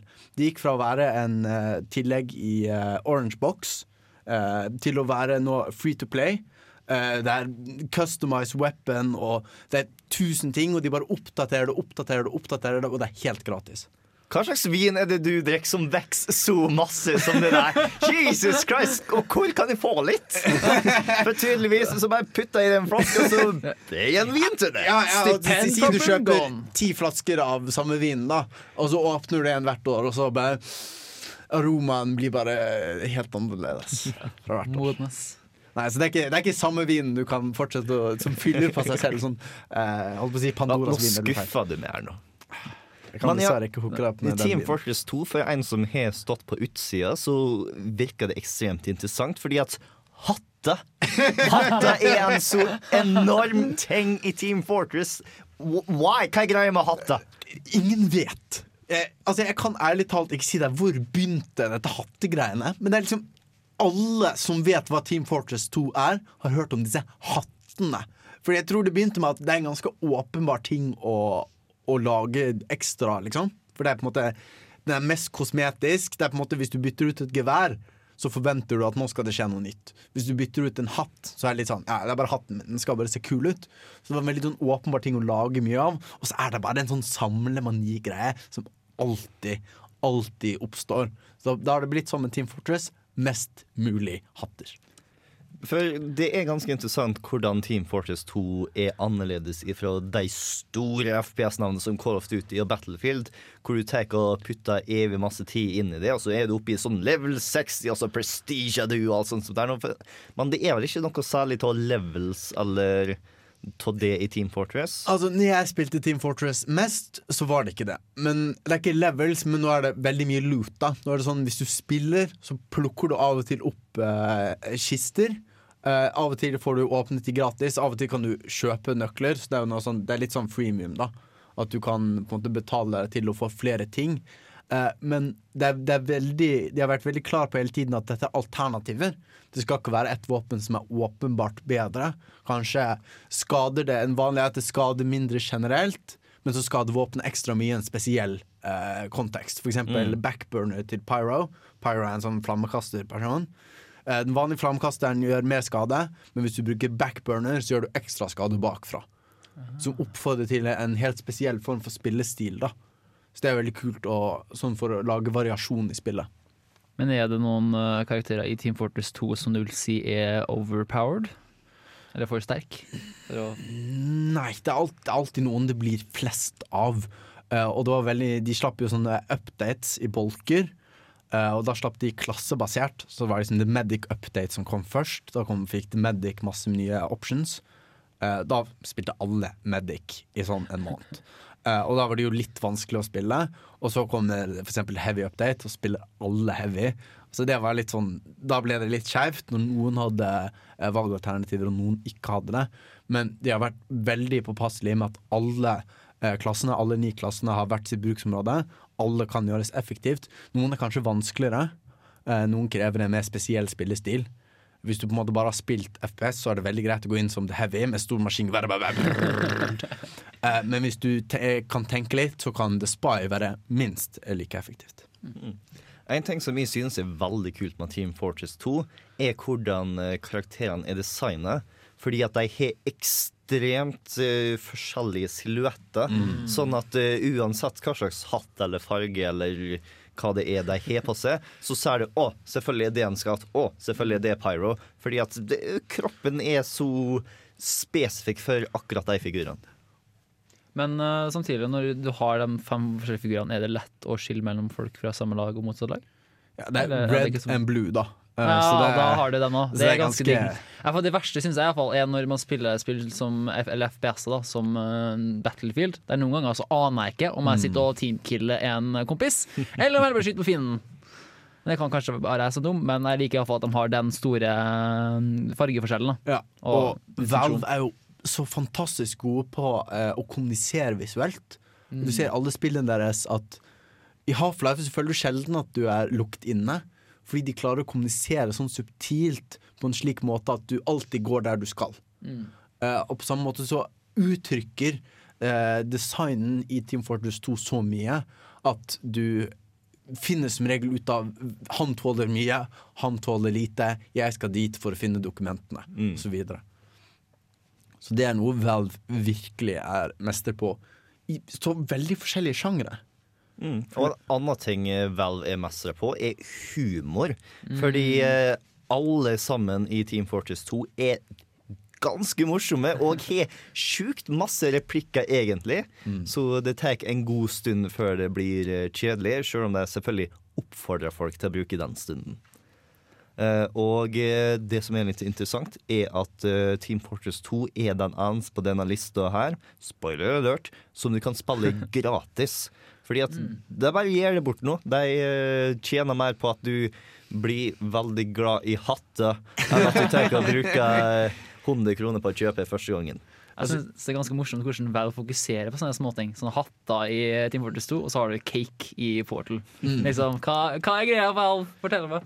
De er en, en meme machine, rett og Ja. slett. Eh, og ikke bare er Team Fortress 2 en fantastisk comeback i seg selv, eh, men det er også et spill som har klart å comebacke flere ganger. Mm. Det er liksom en sånn intern comeback. Har du spilt eh, Team Fortress 1, Andreas? Eh, litt. Det var jo et eh, et veldig likt spill og et veldig annerledes spill. Eh, Nå er det jo blitt litt sånn Counter-Strike 1.6. Det er liksom fordi virkelig harde kjernen Virkelig harde kjernen spiller fortsatt uh, classic. Jeg var liksom kom litt etter på uh, Half-Life-perioden. I hvert fall når jeg fikk lov til å spille Half-Life. eh, var jeg litt eh, bakpå Half-Life-generasjonen, så det fikk jeg ikke spilt eh, så veldig mye. Men Team Fortress 2 eh, har jeg lagt mange timer ned i.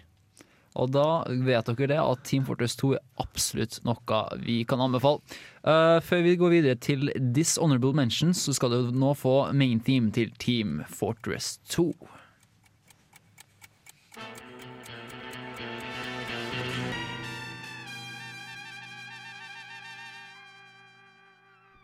Yes. No. Har vært litt showa av Valve eller dem som kombinerte sangen, men du fikk iallfall høre Team Fortress 2 main theme. Uh, nå skal vi ta et lite avbrekk fra topp fem-lista, for nå skal vi nevne noe som gjorde meg så sint i begynnelsen av podcast-delen, og det er Dishonorable Mentions.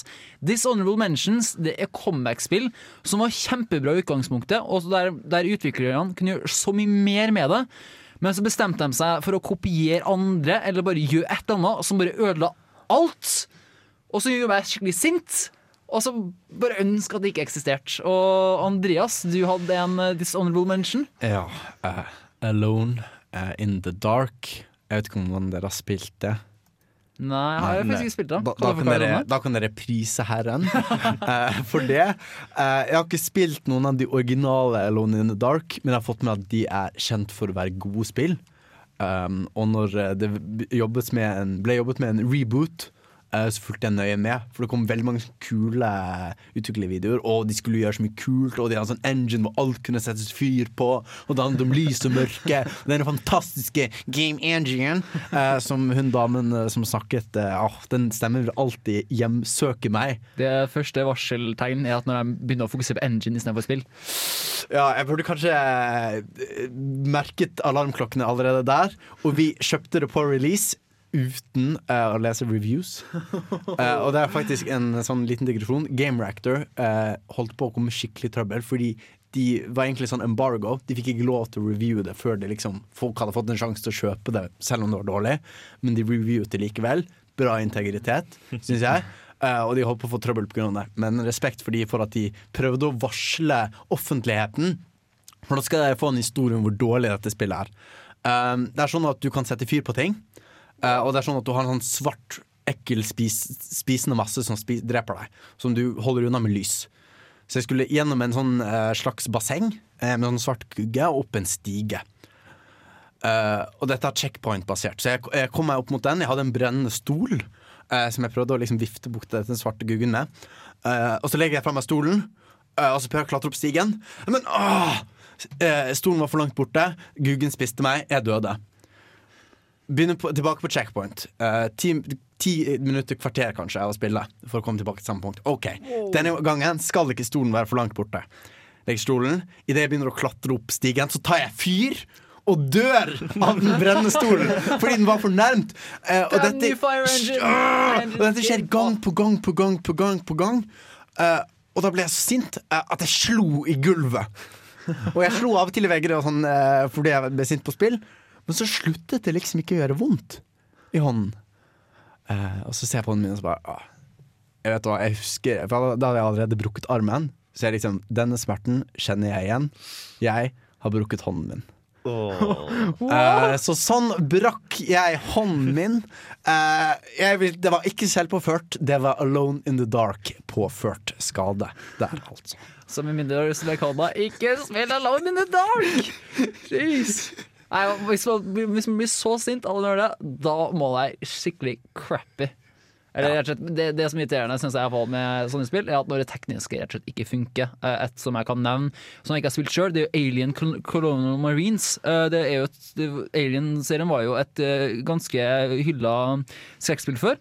Men så, når de nå skulle lage Colonial Marines eller, ja, noe i den ordlyden. Så mm, var det så bugga at det var ikke skummelt i hele tatt. Monstre poppa ut på feil tidspunkt, og de så morsomme ut for at de var plutselig ganske distorta. Og ja, det, det funker bare ikke. Men uh, Boy, du hadde også en uh, dishonorable mention. Vel, det er ett navn som I jeg regner med at alle fleste forventer å bli nevnt her nå, og det er selvfølgelig Duke. Ja, å, Duke Gud. Nukem Forever, som var for evig og alltid i uh, utvikling, og like så gjerne kunne holdt seg der. For eh, det er ganske artig å ta og sette Duke Nukem Forever opp imot de fem spillene som vi har her i dag. Fordi at de har tatt og redefinert seg sjøl. De har redefinert spillsjangeren. Og de har gått veier som folk ikke før har gått. Det Duke gjorde, var at eh, de utvikla og utvikla, og så bare sånn Oh, shit, andre folk har gjort ting bedre, så da jeg starter med på nytt og gjør sånn som de gjør nå. Utvikle, utvikle, utvikle. Oi sann, andre gjør noe bedre. Da stanser vi og gjør sånn som de gjør.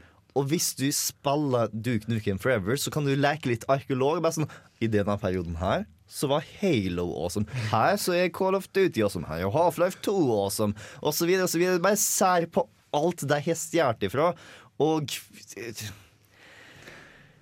Duke er liksom noe som ikke kan overleve utafor 90-tallet, fordi at uh, det, det eide ikke sjølironi ironi uh, ah, ah, ah, ja. Det er liksom historien som jeg hører om og om igjen. Det at uh, ja, av den der extended developmenten Så er det jo bare et lappeteppe. Mm. En teknologi som ikke funker. Det er frustrerende, og vitsene er, og de er jo utdatert. Mm, Det funker jo ikke i dag i hele tatt. Og han høres, jeg liker rett og slett ikke hvordan Duke Nukem høres ut i dag. Det, han, nei! Jeg har ikke noe empati for den figuren i det hele tatt. Det, Det, det er tydeligvis en, en forbannelse som hviler over eh, navnet Forever. Eh, for da blir det sånn. Da utvikler du Forever. Det blir... også en eh, De hardcore-fansen av Team Fortress Classic da De likte jo ikke Team Fortress 2. Så de, de begynte parallelt. I den Team Fortress 2 tok seks år å utvikle, forresten. Mm. Det er ganske lenge. Eh, parallelt med dette så ble modden Team Fortress Forever utviklet. Den er fortsatt eh, i utvikling. Nå klarte heldigvis Bioshock å snike seg ned med Infinite. Ja. Det var liksom nesten, nesten, men det gikk. Eh, takk og lov. akkurat. Noen spekulerer litt på den der eh, quantum theorien der. Det er noen som mener at den ikke er helt helt vann, men eh, det funker, det funker iallfall. Det kom i det minste ut. Ja. Og det gjorde Duke også, men den havna forever i bildekurven. Uh, en siste som er litt sånn nevnt, nevne, eh, det er en som er ganske personlig til meg. For jeg, ikke, jeg husker ikke så godt, men det var enten Pokémon eh, Yellow eller eh, Sonic 2 som var det første spillet som jeg har spilt. Jeg liker å tenke at det er Sonic the Hedgehog 2. Uh, der spilte jeg på Sega Genesis, som reklamerte med at det var 16 bits, og det var kjempekult. og ja, det, det, var en fantastisk spilleopplevelse hos meg. Eh, Jeg synes Banen var veldesigna. Musikken var fantastisk. Jeg lagt til en låt som vi skal høre på etterpå, som jeg, synes er, som jeg fortsatt digger kjempemye i dag. Eh, De gjør så mye bra med det. Men så plutselig, så, så, så, hvis dere ikke vet det, så var Sonic var jo på en måte Det var jo Segas svar på Mario. Og dessverre så liksom ser det ut som de har prøvd å kopiere det over tid. Når plutselig Mario begynte å gå 3D, da tenkte jeg hm, ja ok, da skal vi også begynne liksom ha Sonic i 3D. Og da begynte de jo med Sonic Adventure og Sonic Adventure 2.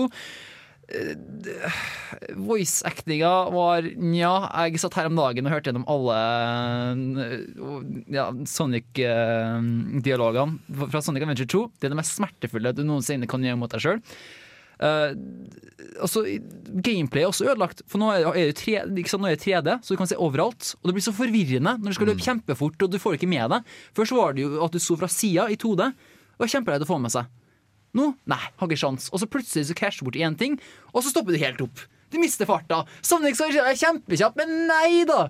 En, kommer bort til et sånn lite gjerde, stopp med en gang. Og det irriterer meg kjempemye. Og så nå så føles det at, at uh, Sonic Team prøver bare å redefinere seg hele tida. De prøver å finne på nye konsept. De prøvde annet ut uh, en Camelot-versjon. De prøvde å gjøre om Sonic til en varulv.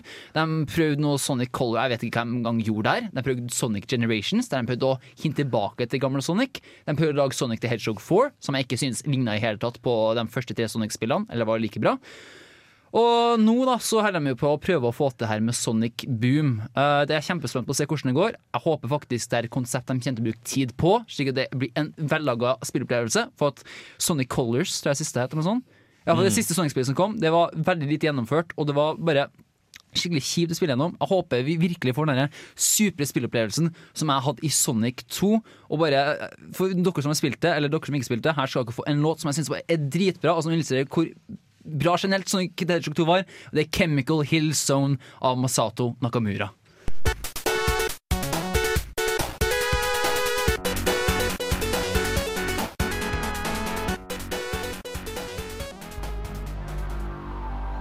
Nummer to. Fallout av Bethesda Softworks.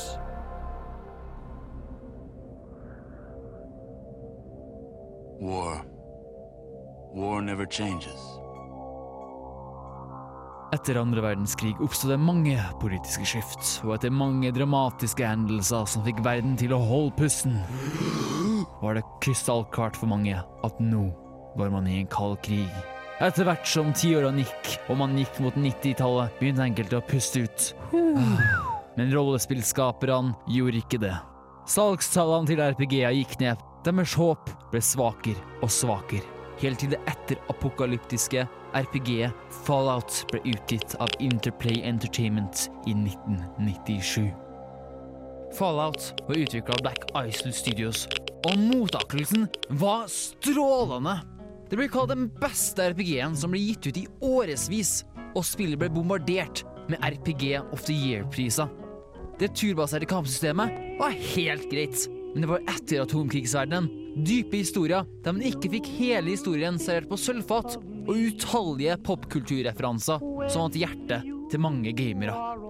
Og er det én ting utgivere liker å gjøre når noe går bra, så er det å lage etterfølgere. Så kort som året etter ble Fallout 2 utgitt. For blodfans av Fallout-serien vil de fleste si seg enig i at det var en verdig etterfølger.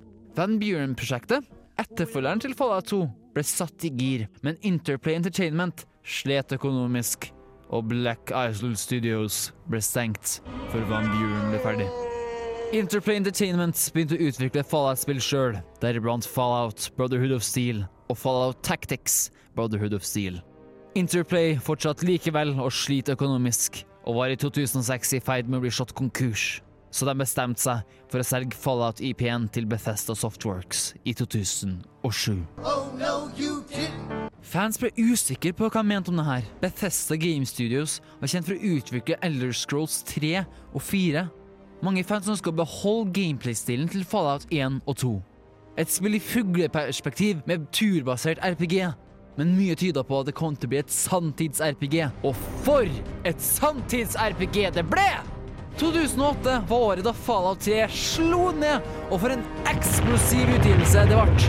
Bethesda hadde bestemt seg for at det skulle bli et som skulle få de strengeste aldersvurderingene for spill, og gikk helt inn for å lage et spill som beholdt mye av stilen til de originale Fallout-spillene, med et dystert univers, mørk humor og subtile popkulturreferanser. En teknisk sett baserte seg på den samme Gamebrow-spillmotoren som Elder Scrolls Oblivion, som førte med seg en full 3D-verden, tredjepersonsperspektiv og sanntidskamper med rollespillelementer.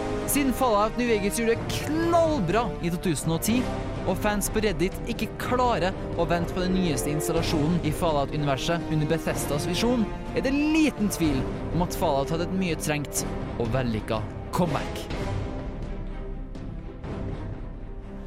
Ja, krig forandrer seg kanskje ikke, men det gjorde Fallout, og det gikk visst strålende. Eh, for du har spilt eh, både eneren og treeren, eh, Chris. Ja, og hva, hva er forskjellene, og hvordan fungerer de forskjellene? Eh, Det som er veldig vesentlig i ena, det er at du har, det er turbasert. Det er det viktigste. Eh, Du har eh, eh, Kontrollene er som du kunne forvente på den tida. eh, var helt ok. Eh, litt, hvis du spiller i dag, så kommer du til å oppleve det som kjempetregt, men jeg syns det funka helt fint. Du hadde ulinjær story, du hadde eh, masse referansehumor, og du hadde ja, et univers som var veldig velskapt, og musikken i spillet funker ganske bra. Det skaper en ganske skummel og ekkel stemning, og spesielt når du får høre den Maybe-sangen i begynnelsen, og du, det zoomer ut, og du ser det atomet eh, sprengte, eller atombombesprengte landskapet, så har de virkelig satt mooden med en gang. Eh, Det som er veldig forskjellig med en gang i Fallout 3, det er at du har det her med at det er istedenfor at du ser top down og at det er alltid sprites, så er det 3D, og, du kan, og det er i tredjepersonsperspektiv. Og det som irriterte veldig mange, det Det er altså førstepersonsperspektiv. Der skjønner du ja, hvis du trykker på en knapp. Det er altså. Men det er i hvert fall, du kunne se langt fremover i forhold til før. Og så bevegde det også fortere, som var en fordel for dagens utålmodige gamere. Men det som irriterte veldig mange gamle fans av eh, Fallout, det var at de hadde slutta med å gjøre det turbasert, og istedenfor så ble det real time. Men en ting de gjorde for å på en måte lindre det, det var jo at de innførte eh, noe som heter Watts. Mm. Altså, det det går ut på at Du bruker action points på at eh, du stopper tida, og så du, kan du velge hvilke kroppsdeler man skal skyte på på fienden. Og så trykker man skyt, og så gjør det automatisk for. Så det blir en slags uh, turbasert greie. Eh, bortsett fra det så fulgte de jo den samme ulinære storyen. Du kan jo velge å enten eh, sprenge Junktown eller gå videre og, eller prøve å redde Junktown. Og det er så fantastisk mye du kan utforske i, i The Wasteland, både i Fallout 3 og i New Vegas. Og de, jeg vil si at eh, Oh, Brain Freeze, de som laga det nyeste Fallout Obsidian. Obsidian. Yes, de uh, syns jeg har gjort en fantastisk jobb med å beholde eh, stilen til uh, uh, Fallout-serien. Men Obsidian, er ikke de laget av deler av Black Isle? Ja, det er en god er del. Black Isle-folk som Mm. eh, jobber i Obsidian, ja. Ja, for jeg føler eh, Noe som er virkelig bra i, bra i Fallout 1 Jeg har spilt litt Fallout 1 eh, og Fallout 3. Det er Quest design. Ja. Fordi begge har eh, en quest, en hovedquest som gir deg retning. Eh, men, ikke, men det likevel gir deg retning utover. Den Gir deg retningen utforsk. Mm. Eh, I eh, eneren så er det eksempel du må finne vannchip Ja. til uh, hvelvet ditt, for hvis ikke så tørster alle, eh, alle du er glad i, i hjel. Så du, du har en retning, du har et oppdrag, men du vet ikke helt hvor du skal. Du må bare ut, finn. Eh, og samme i Fallout 3, du skal ut og finne faren din. Og det er liksom perfekt å få en retning. Fordi Hvis du ikke hadde fått noen retning, så tror jeg det hadde blitt eh, litt for overveldende. Det blir sånn «Øh, Hvor skal jeg? Uh, men det er likevel ikke sånn du skal dit og gjøre det. Go fetch. Det er liksom finn. Det, ja, det, det er veldig, veldig god uh, Quest-design. Som jeg tror mange, mange Quest kunne lære litt mer av. da Ikke sånn uh, 'Velkommen til den fantastiske åpne verden'. Gå dit nå eh, og hent den tingen. Og noe som Fallout-serien har gjort bare bedre og bedre, og spesielt i, Fallout New Vegas, når de har innført uh, factions og sånn, det er at eh, konsekvensene dine får Nei, det, du- her ble det omvendt. Det de gjør, får skikkelige konsekvenser. Og det er ikke bare sånn at enten så er du supersnill eller så er du superbad. Du kan være mixed, du kan eh, være litt ond, du kan være litt snill. Og ultimat sett så vil det resultere i en e egen eh, designendring som forteller deg hvordan du har gjort. Og i min Det. mening så er liksom postapokalypsen der det er aller best å ta og utfordre moralen, egentlig. Mm. Fordi at du vet at det ikke finnes noe som ligner på et politi som kommer til å straffe de onde. Du kan ta og drepe noen og slippe unna med. Du Mm. kan ta og stjele vannet til noen som virkelig trenger det, fordi at du føler for det, og slippe unna med det. Og dersom du gjør noe godt, så betyr ikke det nødvendigvis at det kommer til å skje noe godt med det. Så da er spørsmålet er du etisk, eller er du praktisk? Mm. Og jeg synes mange spill egentlig kunne vært enda mer utfordrende på det å gjøre det lettere å være ond. For det eh, I veldig mange spill så er det sånn Vær ond fordi du kan være ond, og det er et alternativ, og så får du horn i, horn i pannen. Og så får du krafta du ikke får når du er god, og det er superkult. Og så får alt en annen farge. Mm. Eh, Gjerne svart eller rødt. Ja, ja. Det, er, det er et eller annet imot rødt, og elsker blått. Eh, men eh, jeg vet, Fallout gjør det kanskje ikke nok. Til dels gjør de det, men spill kunne vært enda mer utfordrende på det. Her er du den lette løsningen, men da ødelegger du for folk. Eller du kan ta den vanskelige, kjipe løsningen for å være snill. Mm. Og, at du, du, og spesielt hvis du er litt frustrert, sånn at du blir så fristet. Du blir så fristet til å ta den lette veien og skyte han i bakhodet, eller hva, men så øh, Jeg vil ikke være slem. Ja, for det er enkelte punkter i så, altså, alle Fallout-spillene der det er sånn å si at eh, du kan enten ta den lette veien, eller du kan gjøre en quest som kommer til å ta deg én, to, tre, fire timer ish, og så komme like langt. Og så konsekvensene er tilnærmet det samme.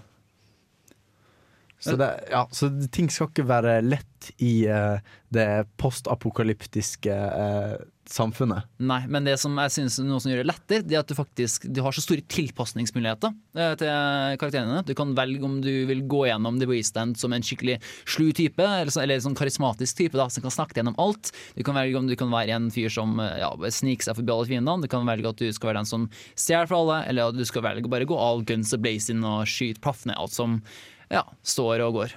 Og det syns jeg egentlig eh, New Vegas er enda bedre på. Av og til kan og en eh, suksessfull sånn eh, snakkecheck kan spare dem lang, lang tid og masse kamp. Jeg tok har prøvd Fallout 1 en god stund tilbake etter at de spilte Fallout 3 for første gang. Og eh, det med at det er tregt, det kan jeg gå med på, fordi at det, det har et helt elendig førsteinntrykk. Eh, du har åpning cinematic. War never changes. Kult. Tar og lager med en character sheet som jeg er fornøyd med. OK, nå skal du ut av voltet. OK, langt der borte i en rotte. Oh shit. Jeg er i kamp. Jeg har nødt til å bruke action points for å gå bortover. Og så bruker jeg rotte action point for å gå bortover. Og så bruker jeg action point for å gå bortover. Fem minutter senere så endelig treffer vi hverandre og begynner å kjempe. Det, what?! Nei, det som jeg synes også var det store problemet, og det det jeg sier også, det er at uh, hvis du er en gamer i dag, og, og jeg føler at gamingkulturen i dag er basert på at det skal være kjapt, og at uh, du skal føle at tida di ikke blir kasta bort. Og det tror jeg du vil føle hvis du begynner å spille Fallout 1 eller 2. Spesielt Fallout 2, for der har de gjort verdenen så sinnssykt mye større, og det tar mye lengre tid mellom uh, at er betydelige hendelser. Og for mange så kan det rett og slett bare bli for tregt. Men uh, hvis du kjøper bl.a. på Good Old Games nå, så, kan, så kjører den jo på en sånn slags type emulator, der du kan bruke fast forward. Og den brukte jeg så å si hele tida. Det var sånn da holdt ned, og så eh, likevel da, altså, så tar det god tid før du går ned en skjerm og så går videre. Ja, og En annen fantastisk ting med den nye Falloutene er jo, eh, hvert fall hvis du er PC Master Race, eh, så kan du jo modde. Hvis du ikke liker Vets, eksempel, så er Project Nevada en mod som gjør at det er mange andre alternativer for å bruke action pointsene dine. Du kan eh, bruke bullet time, alt går sakte. Eller du kan mate eh, eh, Pip-boyen din eh, til en staffboy ved hjelp av action points, sånn at du kan tilpasse det spillestilen din. Eller du kan ta og drepe unger. Yeah! Fordi det, var, det var faktisk en ting du kunne ta og gjøre i Fallout 2, som de slapp unna med. Der var det sånn at eh, du kunne ta og drepe unger. Og det fikk det i skikkelig trøbbel. Du ville for alltid svare en ungemyrder. Men i Fallout 3 så kunne du ESRB og PG, PG og alle disse her noen folka det, det var ikke så glad i at du drepte unger. Så du kan ta og skyte så masse du vil på dem, men de kommer aldri til å dø. Folk kommer fremdeles til å bli ganske pissed off at du begynte å skyte på en unge uten noe annet, men med mods så kan du faktisk drepe deg òg. Ja, If you're into that. Og bare som en liten bonus, når Fallout 3 kom ut, så hadde jo han Liv Nisen som var faren. Det var en stor bonus, vil jeg si. Og det er liksom, jeg er så glad for at det her var faktisk en uh, casting som ikke var bare av typen eh, OK, han her skal redde alt. Det var liksom en, eh, cast, eh, eller en voice acting casting som bare ga så mye mer til selvspillet. selvspillet. Det er Betesta veldig flink på. Du har jo også Patrick Stewart, som Ja. var keiseren som døde i løpet av de første 15 minutter i Oblivion. Og Sean Bean, som var bastardsønnen hans. Har de noe særlig i Skyrim, egentlig? Jeg tror ikke de har Um, Der var de liksom stor nok til at jeg var sånn Nei, dette klarer vi på egen hånd. Nå, nå, jeg, nå tenkte jeg på Oblivion-åpningen med Mm. Patrick Stewart og fikk litt sånn gå- gåsehud. Oh. Men jeg har også en god del eh, kjente navn i Fallout New Vegas.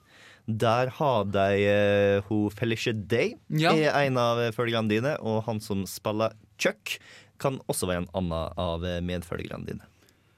Eh, Bare for å spole litt tilbake, eh, når du nevnte det her med Elder Scrolls Oblivion. eh, De bruker jo den samme crappy Greenbrio-enginen, både i Fallout 3 og Fallout New Vegas, som gjør at veldig mange gleder seg til Fallout 4, for da får vi forhåpentligvis spille på en ny engine. Den funka egentlig ganske greit på begge spillene, men det er tidspunktet altså, at jeg merker at her er det noe som har gått galt. Det, Egentlig er det Eh, ganske utrolig hva de klarer å få ut av den klumpete, gamle saken som er Game Brio. Og den er jo ustabil som søren. Det er alltid en kamp om modde eh, Game Brio-spill, altså Oblivion eller Fallout. Fordi hver gang du installerer en ny mod, så blir det litt mindre stabilt. Og så må man prøve å finne noen innstillinger, og så uh, sjonglerer, sjonglerer, sjonglerer. Og så, så faller det i gulvet. Nei, jeg har også lyst til å nevne litt sånn kort det her med Fallout 4. For det har begynt å bli en god stund siden det kom ut et Fallout-spill. Det siste var jo Fallout New Vegas i 2010. Og i 2013 så var det jo en uh, hoax-side. Eh, Altså en falsk nettside som var kjempepopulær for at eh, det så ut som var ekte. Du hadde The Vault-logoen. Du hadde eh, kryptiske beskjeder som var posta på Ja, ja, som kom ut på tilfeldige tidspunkt på døgnet. Og Reddit-communityen til Fallout var jo kjempeekstatisk. De trodde det var en sånn kjempegenial marketingplan til Bethesda, og det holdt de på i flere uker du, uten at Bethesda sa noe. Det var sånn skikkelig sånn herre Å ja, Bethesda holder på ja, prøver å strekke oss ja. Mm, mm. Og så, du, etter sånn to-tre uker, så kommer PR-sjefen til Bethesda og sier at eh, at announcements om eh, nye, nye spill fra Bethesda kommer dere til å få gjennom offisielle kanaler only. Det vil si min Twitter-konto eller Bethesda sin Twitter-konto.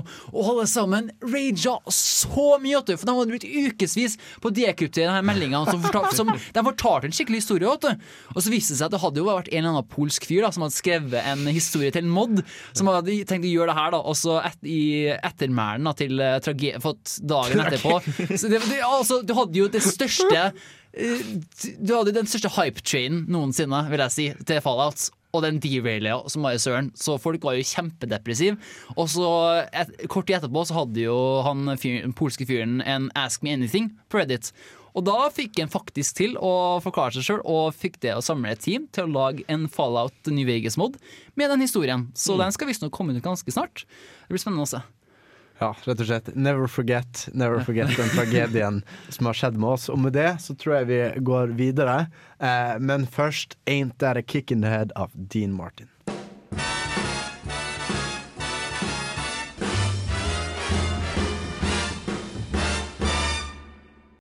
Før vi går videre til vår vinner, til den desiderte eh, comebacken denne generasjonen. Her var det ganske stor enighet i hvert fall om denne. Men først skal vi se på noen av de som ikke kom på denne listen, av ymse grunner. Og Chris, du hadde en eh, som ikke nådde helt opp. Uh, ja, uh, Rayman-serien tror jeg er en som absolutt er verdt å nevne. For jeg har ikke spilt Rayman 1, men jeg har spilt Rayman 2 og 3. Det var altså 3D-plattforming-eventyr. Der du kunne plukke opp uh, power-ups, og du, gikk, du hadde en ganske god storyline. Og det var en veldig minneverdig pl- plattformer. For eksempel Rayman 3. Det er lenge siden jeg spilte, så jeg kan ikke si så mye om det. Men det var en plattformer som var så bra at jeg tror jeg spilte gjennom den sånn 10-12 ganger. Og at jeg hadde en eh, Ja, le som dere vil, altså, men eh, jeg, jeg synes det var fantastisk. Du hadde så mye sykt kule bosser, det var kule power-ups. Du, hadde, du kunne race rundt i Rayman sine sko, liksom. Det var så mye rart som foregikk. Jeg skjønte ikke helt hva som skjedde, men jeg synes det var en dødsmorsom opplevelse. Men så plutselig så var det liksom ferdig der med 3D-plattforming, og plutselig gikk det over til eh, Rayman Raving Rabbits.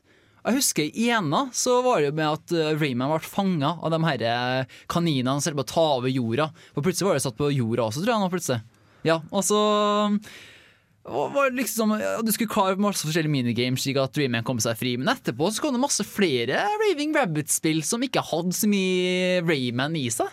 Og plutselig var de her kaninene og masse sånn minispill. Det var som et Mario-party, men uten Mario. Og så var det jo bare det. Og så plutselig så får vi Rayman Origins. Og det Bård, har du spilt litt av, har du ikke? Rayman Origins har jeg tatt og plukka opp og spilt uh, litt av det, og det er en eh, veldig hand-drawn eh, grafikk. Mm. Helt fantastisk 2D sidescrolling platformer, hvor du kan ta og enten spille singleplayer eller opp til fire stykk samtidig, à la ny Super Mario Bros.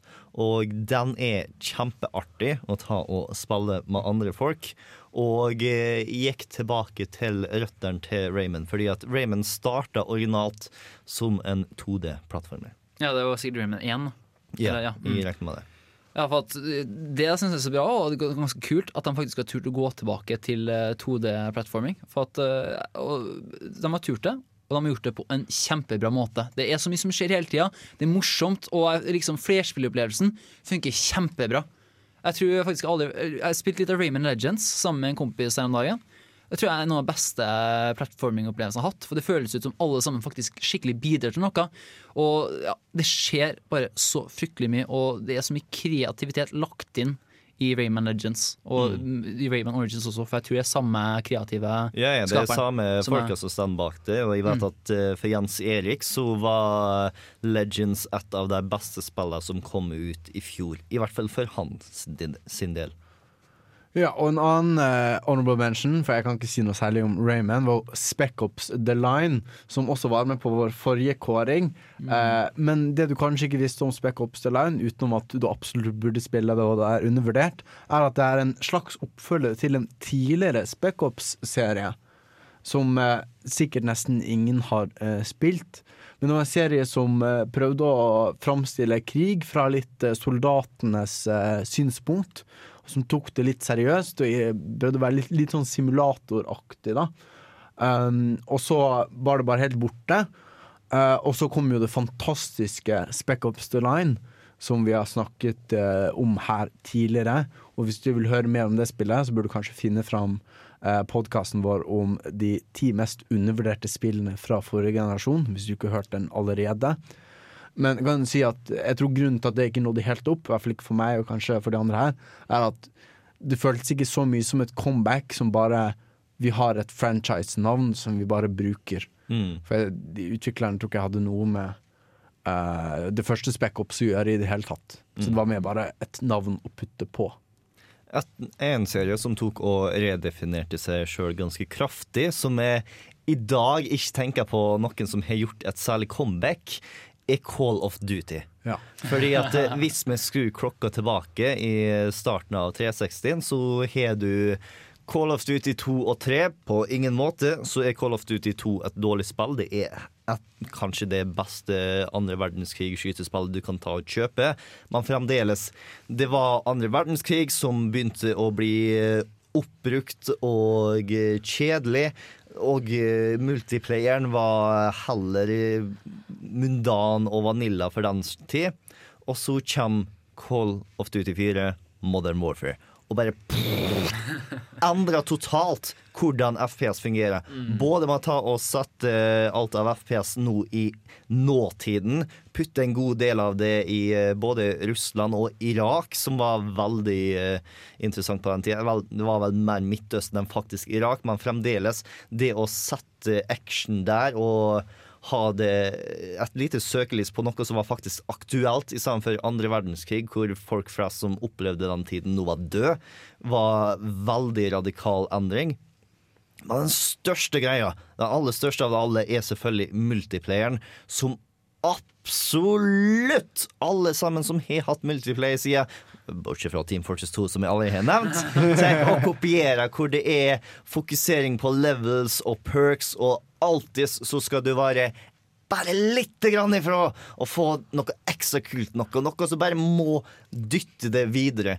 Og på grunn av det systemet, på grunn av det utrolig gode og vanedannende multiplayer-systemet, så er nå Call of Duty det største navnet innenfor gaming, og kan ta og selge millioner på millioner på millioner med kopier hver eneste gang de kaster ut, sjøl om ingen er spesielt fornøyd med hvordan det går.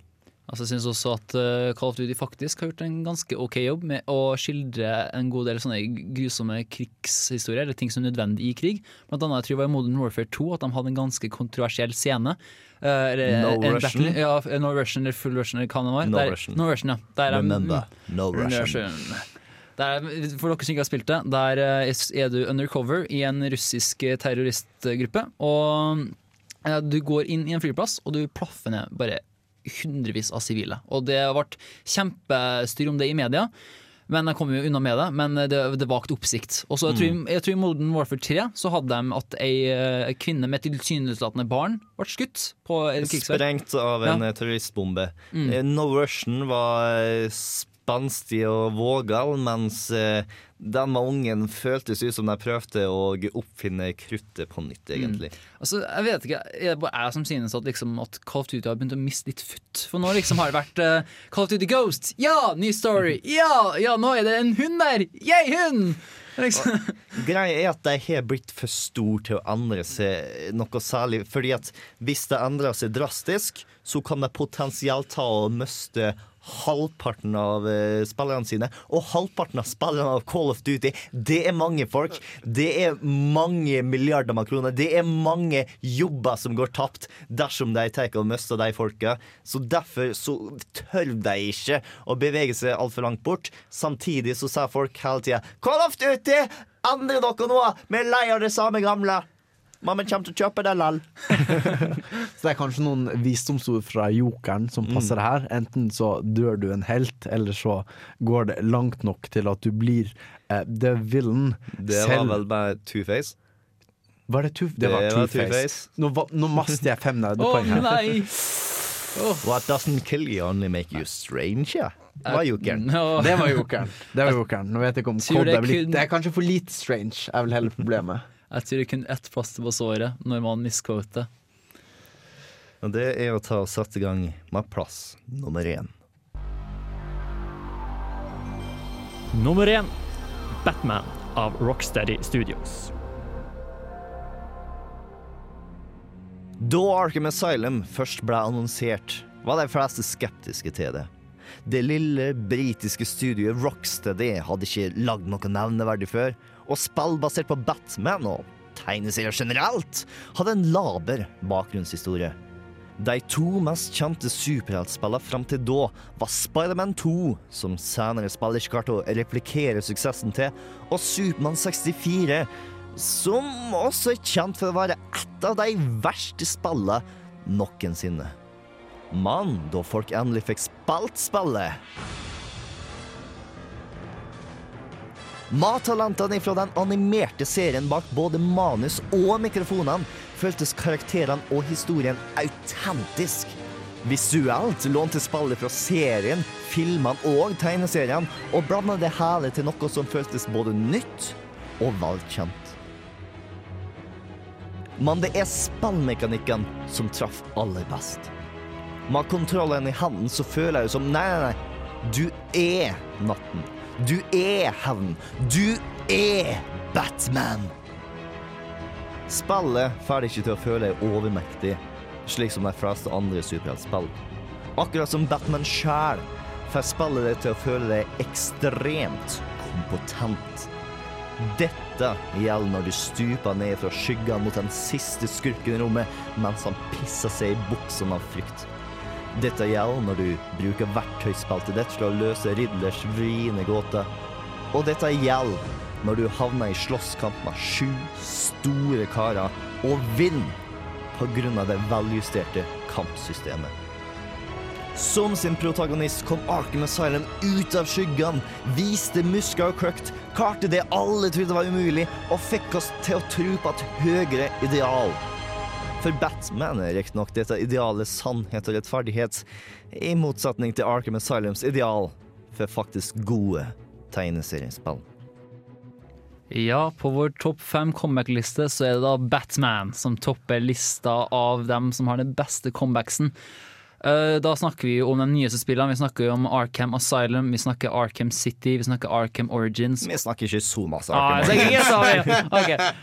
her så er jeg i en technical disadvantage, for jeg har faktisk ikke spilt noen av de nyeste Batman-spillene. Oh. Som er, er kanskje enda en ting jeg må ta med til skrifteboksen. Men uh, da prøver jeg bare å spørre dere om dere, dere har spilt Batman-spillene. Selvfølgelig har jeg spilt i hvert fall de to første. Du har spilt den tredje. Jeg har spilt litt Origins, men yeah. det, er, ja, det er Origins. Det er liksom mer av det samme, ikke så veldig interessant. Og som en origin-story så er det veldig rart, Mm. fordi de går på den klassiske OK, det er en oppfølger, vi må Vi løser, vi bare legger på flere ting. Og så blir det en oppfølger som er bra, fordi vi legger på flere ting, og det er mer enn i opp, eh, den forrige. Men så er det en origin story samtidig. Og da blir det veldig rart at du har flere ting i liksom opprinnelseshistorien til Batman enn i Arkham City. Mm. Så det, ja, det, det, det er Batman, det er greit, men det er, det er ikke liksom noe veldig spennende. Mm. Eh, Batman Arkham Asylum eh, var en av de første i en bølge med snikespill som starta med eh, Arkham Asylum og eh, Splinter Cell Conviction. Eh, hvor du gikk bort ifra å være den stakkarslige karen som var i skyggene, hvor du ikke måtte bli funnet, for hvis du blir funnet, så ah! I stedet så var jo panteren i mørkene som bare sneik seg rundt, kom seg overalt, og når eh, øyeblikket var riktig, for med klørne først, dro karen inn i skyggene, og bam, var han borte. Så det er nesten i stil med Dishonored i senere tid. Ja. Ja. Dishonored er også en av de uh, panterne i mørket-spillene som jeg liker å kalle det. For uh, du følte det virkelig som Batman. Det er aldri på et tidspunkt hvor du føler Nei, Batman ville aldri ha vært i sånn posisjon fordi at han ville klart det.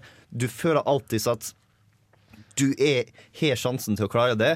Ikke fordi at du er overmektig fordi at eh, spillet tar og putter alt i din favør, men fordi at du er ekstremt kompetent, akkurat som Batman. Og det å kunne utfordre skikkelig godt, samtidig som du har ekstremt tight kontroll, som lar det løse alle utfordringene, mm, stor respekt. Stor respekt. Og det er jo virkelig fellesnevneren her, føler jeg. Det er eh, disse comebacksene har spilt som har satt seg ned, klart å finne hva er kjernen i, i dette her. Hva er kjernen i serien vår?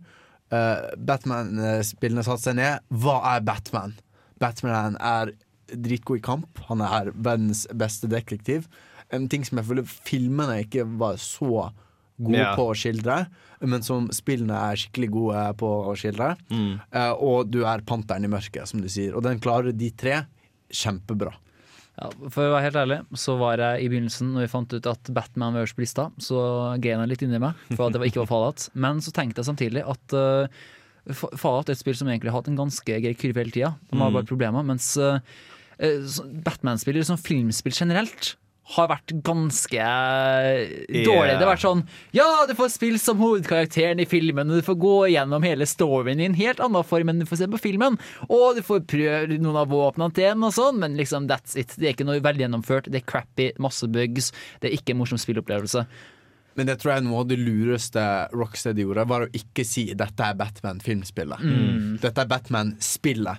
Dette er spillet hvor du er Batman. Det er ikke spillet hvor du er Batman-film-Batman. Dette er- vi lag- Fra bunnen opp er dette tenkt Dette skal være et spill hvor du er Batman. Ja, For det er jo en original story, er det ikke? Det er en helt original story skrevet av Paul Dini, som er et av de største navnene innenfor uh, Batman. Han skrev uh, mesteparten av The Animated Series, og det er han som også tok og fant opp Harley Quinn. Uten Paul Dini, ingen Harley Quinn. Men jeg synes også det er veldig gutsy av Warner Bros. å la Rocksteady holde på med Batman på den måten. Fordi at du må huske, dette var samtidig som Nolan-filmene gikk på kino. De kunne tjent en god slant, i hvert fall, på å ha noe hvor det sto The Dark Knight. Å, kult! Jeg så The Dark Knight, eh, og jeg husker hvordan den blyanten forsvant. Jeg plukka opp dette spillet. Her er det artig med det. Å, det var ikke så artig likevel. Men nå har jeg betalt for det, og jeg får ikke pengene mine tilbake. Er du litt bitter, Bård, på sånne filmspill? Heldigvis ikke, fordi at uh, jeg slapp å kjøpe dem, fordi at jeg har funnet ut at det er bare tøys. Men jeg jobber i spillbutikk, og jeg vet at disse spillene blir solgt allikevel. Og jeg syns litt synd på disse ungene som går hjem med dem. Bak øynene dine så er det sånn Nei, ikke kjøp det, ikke kjøp det. Du trenger ikke kjøpe det. Men så Vel, nå mista du din barnslige uskyld med å finne ut at sjøl om det er Ice Age 3 som står på coveret, så er det ikke et Ice Age-eventyr du får inn. Du får bare en buggy kake, rett og slett. Ja, seriøst. Eh, Jeg har eh, lillebrødre som liksom kun setter seg fast på at de skal kjøpe sånne filmspill av filmer de liker. Og hver eneste gang Hver eneste gang så liksom må jeg liksom prøve å spille det for at de klarer ikke å komme seg videre.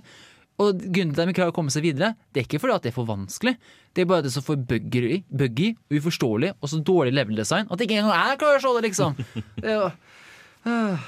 Nei, så jeg er glad for at Batman-spillerne kom og virkelig visste at uh, karakterer basert på noe som allerede er laga, kan likevel funke i spill. Ja, når, men når du nevnte spill med lillebroren din, så kom jeg på en annen som kanskje burde vært på uh, honorable mentions. Nemlig Lego-spillene. Mm. For det er liksom Apropos filmspill, så er det sånn OK, du skal lage et spill basert på leketøy. det kommer til å gå galt, tenkte i hvert fall jeg, tenkte kanskje mange andre. Mm. Men for noen spill. Uh, og det er en av de spillene som på en måte eh, min lillebror da har liksom klamret til seg, som er genuint skikkelig gode spill. Eh, hvis du ikke har prøvd Lego-spillene, så de er de Altså, spill Batman først, for all del. Uh, men uh, vurder Lego-spillene også, de er skikkelig morsomme. Mm. Apropos for dere som ikke har spilt, noen av Arkham-spillene ennå, jeg vil ta og foreslå at dere begynner med Asylum. Fordi at City er et bedre spill, men det er sånn hakket bedre enn Asylum. Hvis du tar og spiller City først, og så går til Asylum, så er det sånn Hvorfor kan jeg ikke gjøre det? Mm, det har vært litt bedre om jeg bare kunne gjort sånn som i Asylum. Mens hvis du spiller Asylum først, og så City, så bare sånn oh, oh, oh. Det blir spennende å se hvordan det nyeste Batman-spillet kommer til å komme på den spillerekkefølga. For det skal jo være ganske bra edition, skal ikke? Eller det? det som er Rocksteady som eh, kom tilbake. Rocksteady utvikla ikke Origins, og har nå fått lov til å jobbe i tre år med spillet sitt. Uh, utvikla kun for eh, next gen, uh, og fokusert kjempekraftig på Batmobilen. Så det er igjen Warner Bros. Ganske gutsy. Tør å stole på Rocksteady. Men eh, når Rocksteady har vist meg både Asylum og City at de er å stole på, så uh, tror ikke det var det vanskeligste valget i verden. Nei, Batman-spillerne ser ut som har en kjempespennende fremtid. syns det ser iallfall ut for meg. Og Mm. det begynner kanskje å bli på tide at jeg begynner å spille dem. Men det er en ting jeg faktisk lurer på, for at det er jo topp fem comebacks. Yeah. Har dere vært borti noen av de tidligere Batman-spillene som eh, fikk det til å fortjene comeback-pris? Jeg har ikke spilt noe særlig av det. Jeg har sett en del eh, gameplay av eh, Batman Rise of Sun Tzu eller noe sånt som er nå, som oh, var sånn nope. Uh, du har også Det Batman-spillet som var mest verdt å spille før Arkham-spillet, var det Batman-spillet basert på 1989-filmen til Super Nintendo. Det var visstnok en eh, rimelig god eh, plattfor- actionplattformer for sin tid. Skikkelig vanskelig, men var visstnok relativt underholdende. Du kan si eh, Denne får ikke comeback-prisen bare fordi den tok en spillserie som var litt eh, dårlig og gjorde den fantastisk, men også fordi dette var et spill som mange trodde kom til å feile. Fordi det var basert på eh, en tegneseriekarakter, det var filmene, og liksom, da fikk mange sånne filmspillassosiasjoner. Mm. Eh, men så klarte det å comebacke fra det dårlige Fra fordommene og fra det man trodde man skulle få, da. Mm, si. for det er veldig lett å glemme at uh, det er ikke så mange år siden før superheltspill var noe som har en veldig lav rang. Akkurat som superheltfilmer før i tida var sånn OK, du skal ta og lage X-Men. Sure, det kommer ikke til å bli noe særlig bra. Men så har endelig Noen har endelig forstått superhelter. Hva som gjør det interessant, hva som gjør det bra. Og det har oversatt veldig godt både i filmformat og i eh, spillformat. Ja, og jeg tror altså det med at, Bat at Batman er et så skinnende Eller Batman Asylum-serien Nei, Arkham-serien er et skinnende eksempel på eh, at, at filmspillfordommer kan brytes. ved det rette teamet så tror jeg at det absolutt fortjener sin uh, førsteplassplassering på vår topp fem comeback-liste. Men med mindre dere har noe å legge til, så tror jeg jeg kommer til å overgi mikrofonen nå til min med-Team Newbie-medlem, som skal avrunde for oss. Ja, for da er vel det på tide å si farvel eh, for i kveld. Eh, takk eh, for dere som har fulgt med oss, og husk at vi går på radio onsdag klokken fem. Du kan finne oss på Facebook og på Twitter, og da er det vel eh, Radio Revolt presenterer Kontroll Alt Delete er det Facebook-sida vår, og RR-spill er Twitter-kontoen vår. Dersom du har lyst til å ta og sende oss noe mail, så er nerd1 eh, e-mailadressen vår. Eh, der kan vi ta spørsmål. Vi kan dersom du har et cover så du har lyst til at vi skal ta vare overfladisk om, send det dit. Dersom det er noe tema du synes vi burde ha, send det dit. Men eh, da tror jeg at de avslutter med å takke dere to for planledere. Det var Ja, første dagen deres i dag. Ja, dere gjorde det greit. nok, og eh, det er alt vi trenger fra dere i dag. Bye. Så ha det bra. Ah, vi må